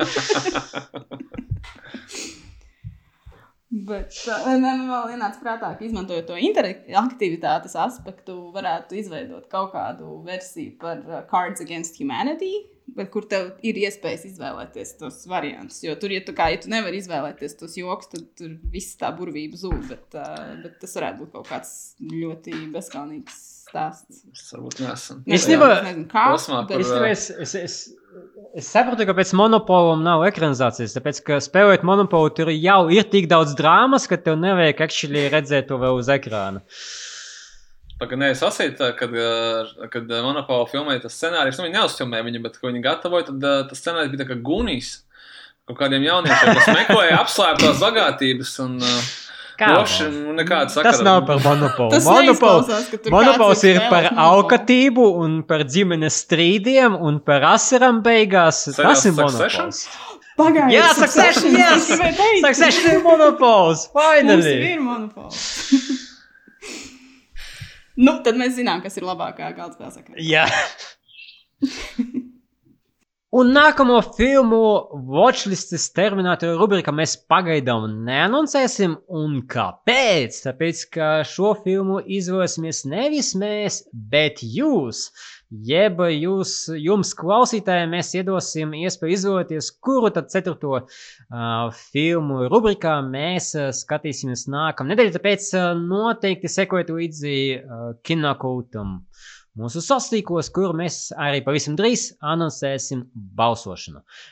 Bet tik līdz skatīsimies, kas jauns iznāca nevis kinoteātros, bet straumēšanas platformās. Uh, šonadēļ kaut kā tāda klusa nedēļa salīdzinoši. Netflixā nekā interesanta jauna nav. Jā, tas ir. Viss okay, beidzās? Saturs beidzās? Beidzās. Viss vairāk nav. Pat Netflixam beidzās. Saturs. Bet nē, nē, nav arī tik traki. Ir arī tomēr viens uh, jaunums, un tas ir patiešām interesants jaunums, par ko ir vērts pastāstīt. Tas ir uh, miniseriāls ar nosaukumu The Great. Uh, jeb uh, Latvijā es skatījos, viņš ir ar nosaukumu Varanie kas stāsta par uh, Katrīnu Lielo. Uh, šeit svarīgi droši vien ir nesajaukt ar uh, seriālu, kas mums jau nesen bija par Katrīnu Lielo, tieši ar šādu nosaukumu, Catherine the Great, ko bija veidojis HBO, jo šī ir jauna versija. Uh, šī būs uh, kā, vairāk ar tādu melni, komisku, satīrisku piesitienu, un tas būs stāsts par to, kā Katrīna Lielā kļuva par Katrīnu Lielo, kā viņa uh, laika gaitā tika pie varas. Uh, Uh, galvenajās lomās Ella Fanninga, kā Katrīna Lielā, un uh, Nikolas Holts, kā Pēters III. Ir jau iznākušas kaut kādas pirmās atsauksmes, ļoti pieklājīgas, un uh, pilnīgi noteikti šeit kā viens no tādiem galvenajiem intereses uh, aspektiem, āķiem, kas ieķersies noteikti daudziem skatītājiem, klausītājiem lūpā, ir tas, ka seriāla veidotājs, scenārija autors un viens no producentiem ir Tonijs Maknamara, jeb uh, viens no uh, Jorga Lantima fantastiskās filmas The Favorite scenārija mm. līdzautoriem. Tā kā, ja jūs uh, traileri jau varbūt esat noskatījušies, redzējuši, tad tur jau var kaut kādas līdzības un paralēlas vilkt. Tā ka, ja tā filma gāja pie sirds, un ja negāja, tad es nezinu, kā jums palīdzēt. Uh, Tad šis varētu būt kaut kas, kas, kas arī varētu būt interesanti. Un, jā, film, uh, nevis filma, bet seriāls būs pieejams Latvijā LMT viettelevīzijā jau no 16. maija, jau no sestdienas, un arī šortkatā. Tā ka tā, tas ir būtībā tāds vienīgais straumēšanas jaunums šodien. Bet izklausās labs jaunums. Tā. Izklausās labs, bet uh, es teikšu, ka man uh, vēl no iepriekšējiem jaunumiem pietiek, ko skatīties. Un Šonda šī pats sevi neskatīsies, jo es nezinu, vai, vai klausītāji zina, bet atko, uh, noskatoties uh, Netflix, es atklāju, ka arī Amazon ir Šonda šī vecākās sezonas, un es tagad tur to skatos. Līdz ar to. Tad, tad, tur droši vien ir visas tās īsfilmiņas, ko, ko rādīja pa televizoru. Nu, pa septiņiem minūtēm, jā, jā, katra sērija septiņas minūtes. Jā, jā, bet Netflixam jau arī tā, tā, tā epizode, uh, katra sastāv no diviem divām septiņu minūšu garām epizodēm, un pusi pa vidu ir kāds mazais tīzrīts. Tas, zin, kas tas ir? Tas ir tas, kas ir Kuvibī. Tikai yes! uh, pavisam, pavisam. Mēs nepieminējam to ziņās, bet Kuvibī neiet labi. Uh, kaut arī uh, Jeffrijs Katzenbergs saka, nē, nē, nē, viss kārtībā, vienkārši koronavīrus mums te, um, mums te īpaši nepalīdzēja. Obviously, tāpēc, ka visa tā Kuvibī būtība bija par to, ka tu, hei, vari. Uh, laikā, kad tu brauc uz darbu, noskatīties uh, ātri vienu kādu uh, filmu pa daļām, vai, vai seriālu, vai realitātes šovu, un par cik neviens darbu nebrauc, tad, nu, reku īpaši neveicas. Te gan ir problēma tāda, ka mēs, diemžēl, nekad nezināsim, vai tiešām neveicas dēļ koronavīrusa, vai arī neveicas tāpēc, ka tas ir shitty produkt. Jo man tā, tā otra versija patīk labāk. Nu, kaut kā, zin kā, labi, viņi reiķinājās ar tiem, kas brauc uz darbu, bet šajā laikā man liekas, ir tā, ka cilvēki tik daudz laika pavadīja mājās un ir gatavi skatīties jebko, ka šis bija īstais brīdis, kad kā lančot kaut mm. kādu jaunu servisu. Tikai, nu, laikam, droši vien drīzāk tavs otrais variants. Nu, bet mēs uh, gaidām, kad HBO Max maija beigās paudīs savu jauno servisu. Nu, gan bez Friends Reunion, jo viņi nepaspēja safilmēt, bet uh, tas arī viņiem ir plānā. Tā kā satura mums pietiks. Tas arī būtu viss no mums šonadēļ. Klausieties šo podkāstu jūsu iemīļotais podkāstu aplikācijas Apple Podcasts, Spotify, Overcast. Lieciet, lūdzu, mums zvaigznes, jo, jo vairāk, jo labāk, 6 no 5 ideāli būtu. Un arī gaidām jūsu jautājumus uz hello at kinokults.clv vai citur sociālos tīklos, ja jums ir kāds temats par kino aizkulisēm, par kuru jūs gribētu, lai mēs parunātu, tad noteikti aizmetiet ziņu. Šo podkāstu montēja Toms Sievens, par ko viņam paldies. Un no kinokūta komandas savukārt paldies jums par uzmanību un līdz nākamajai reizei.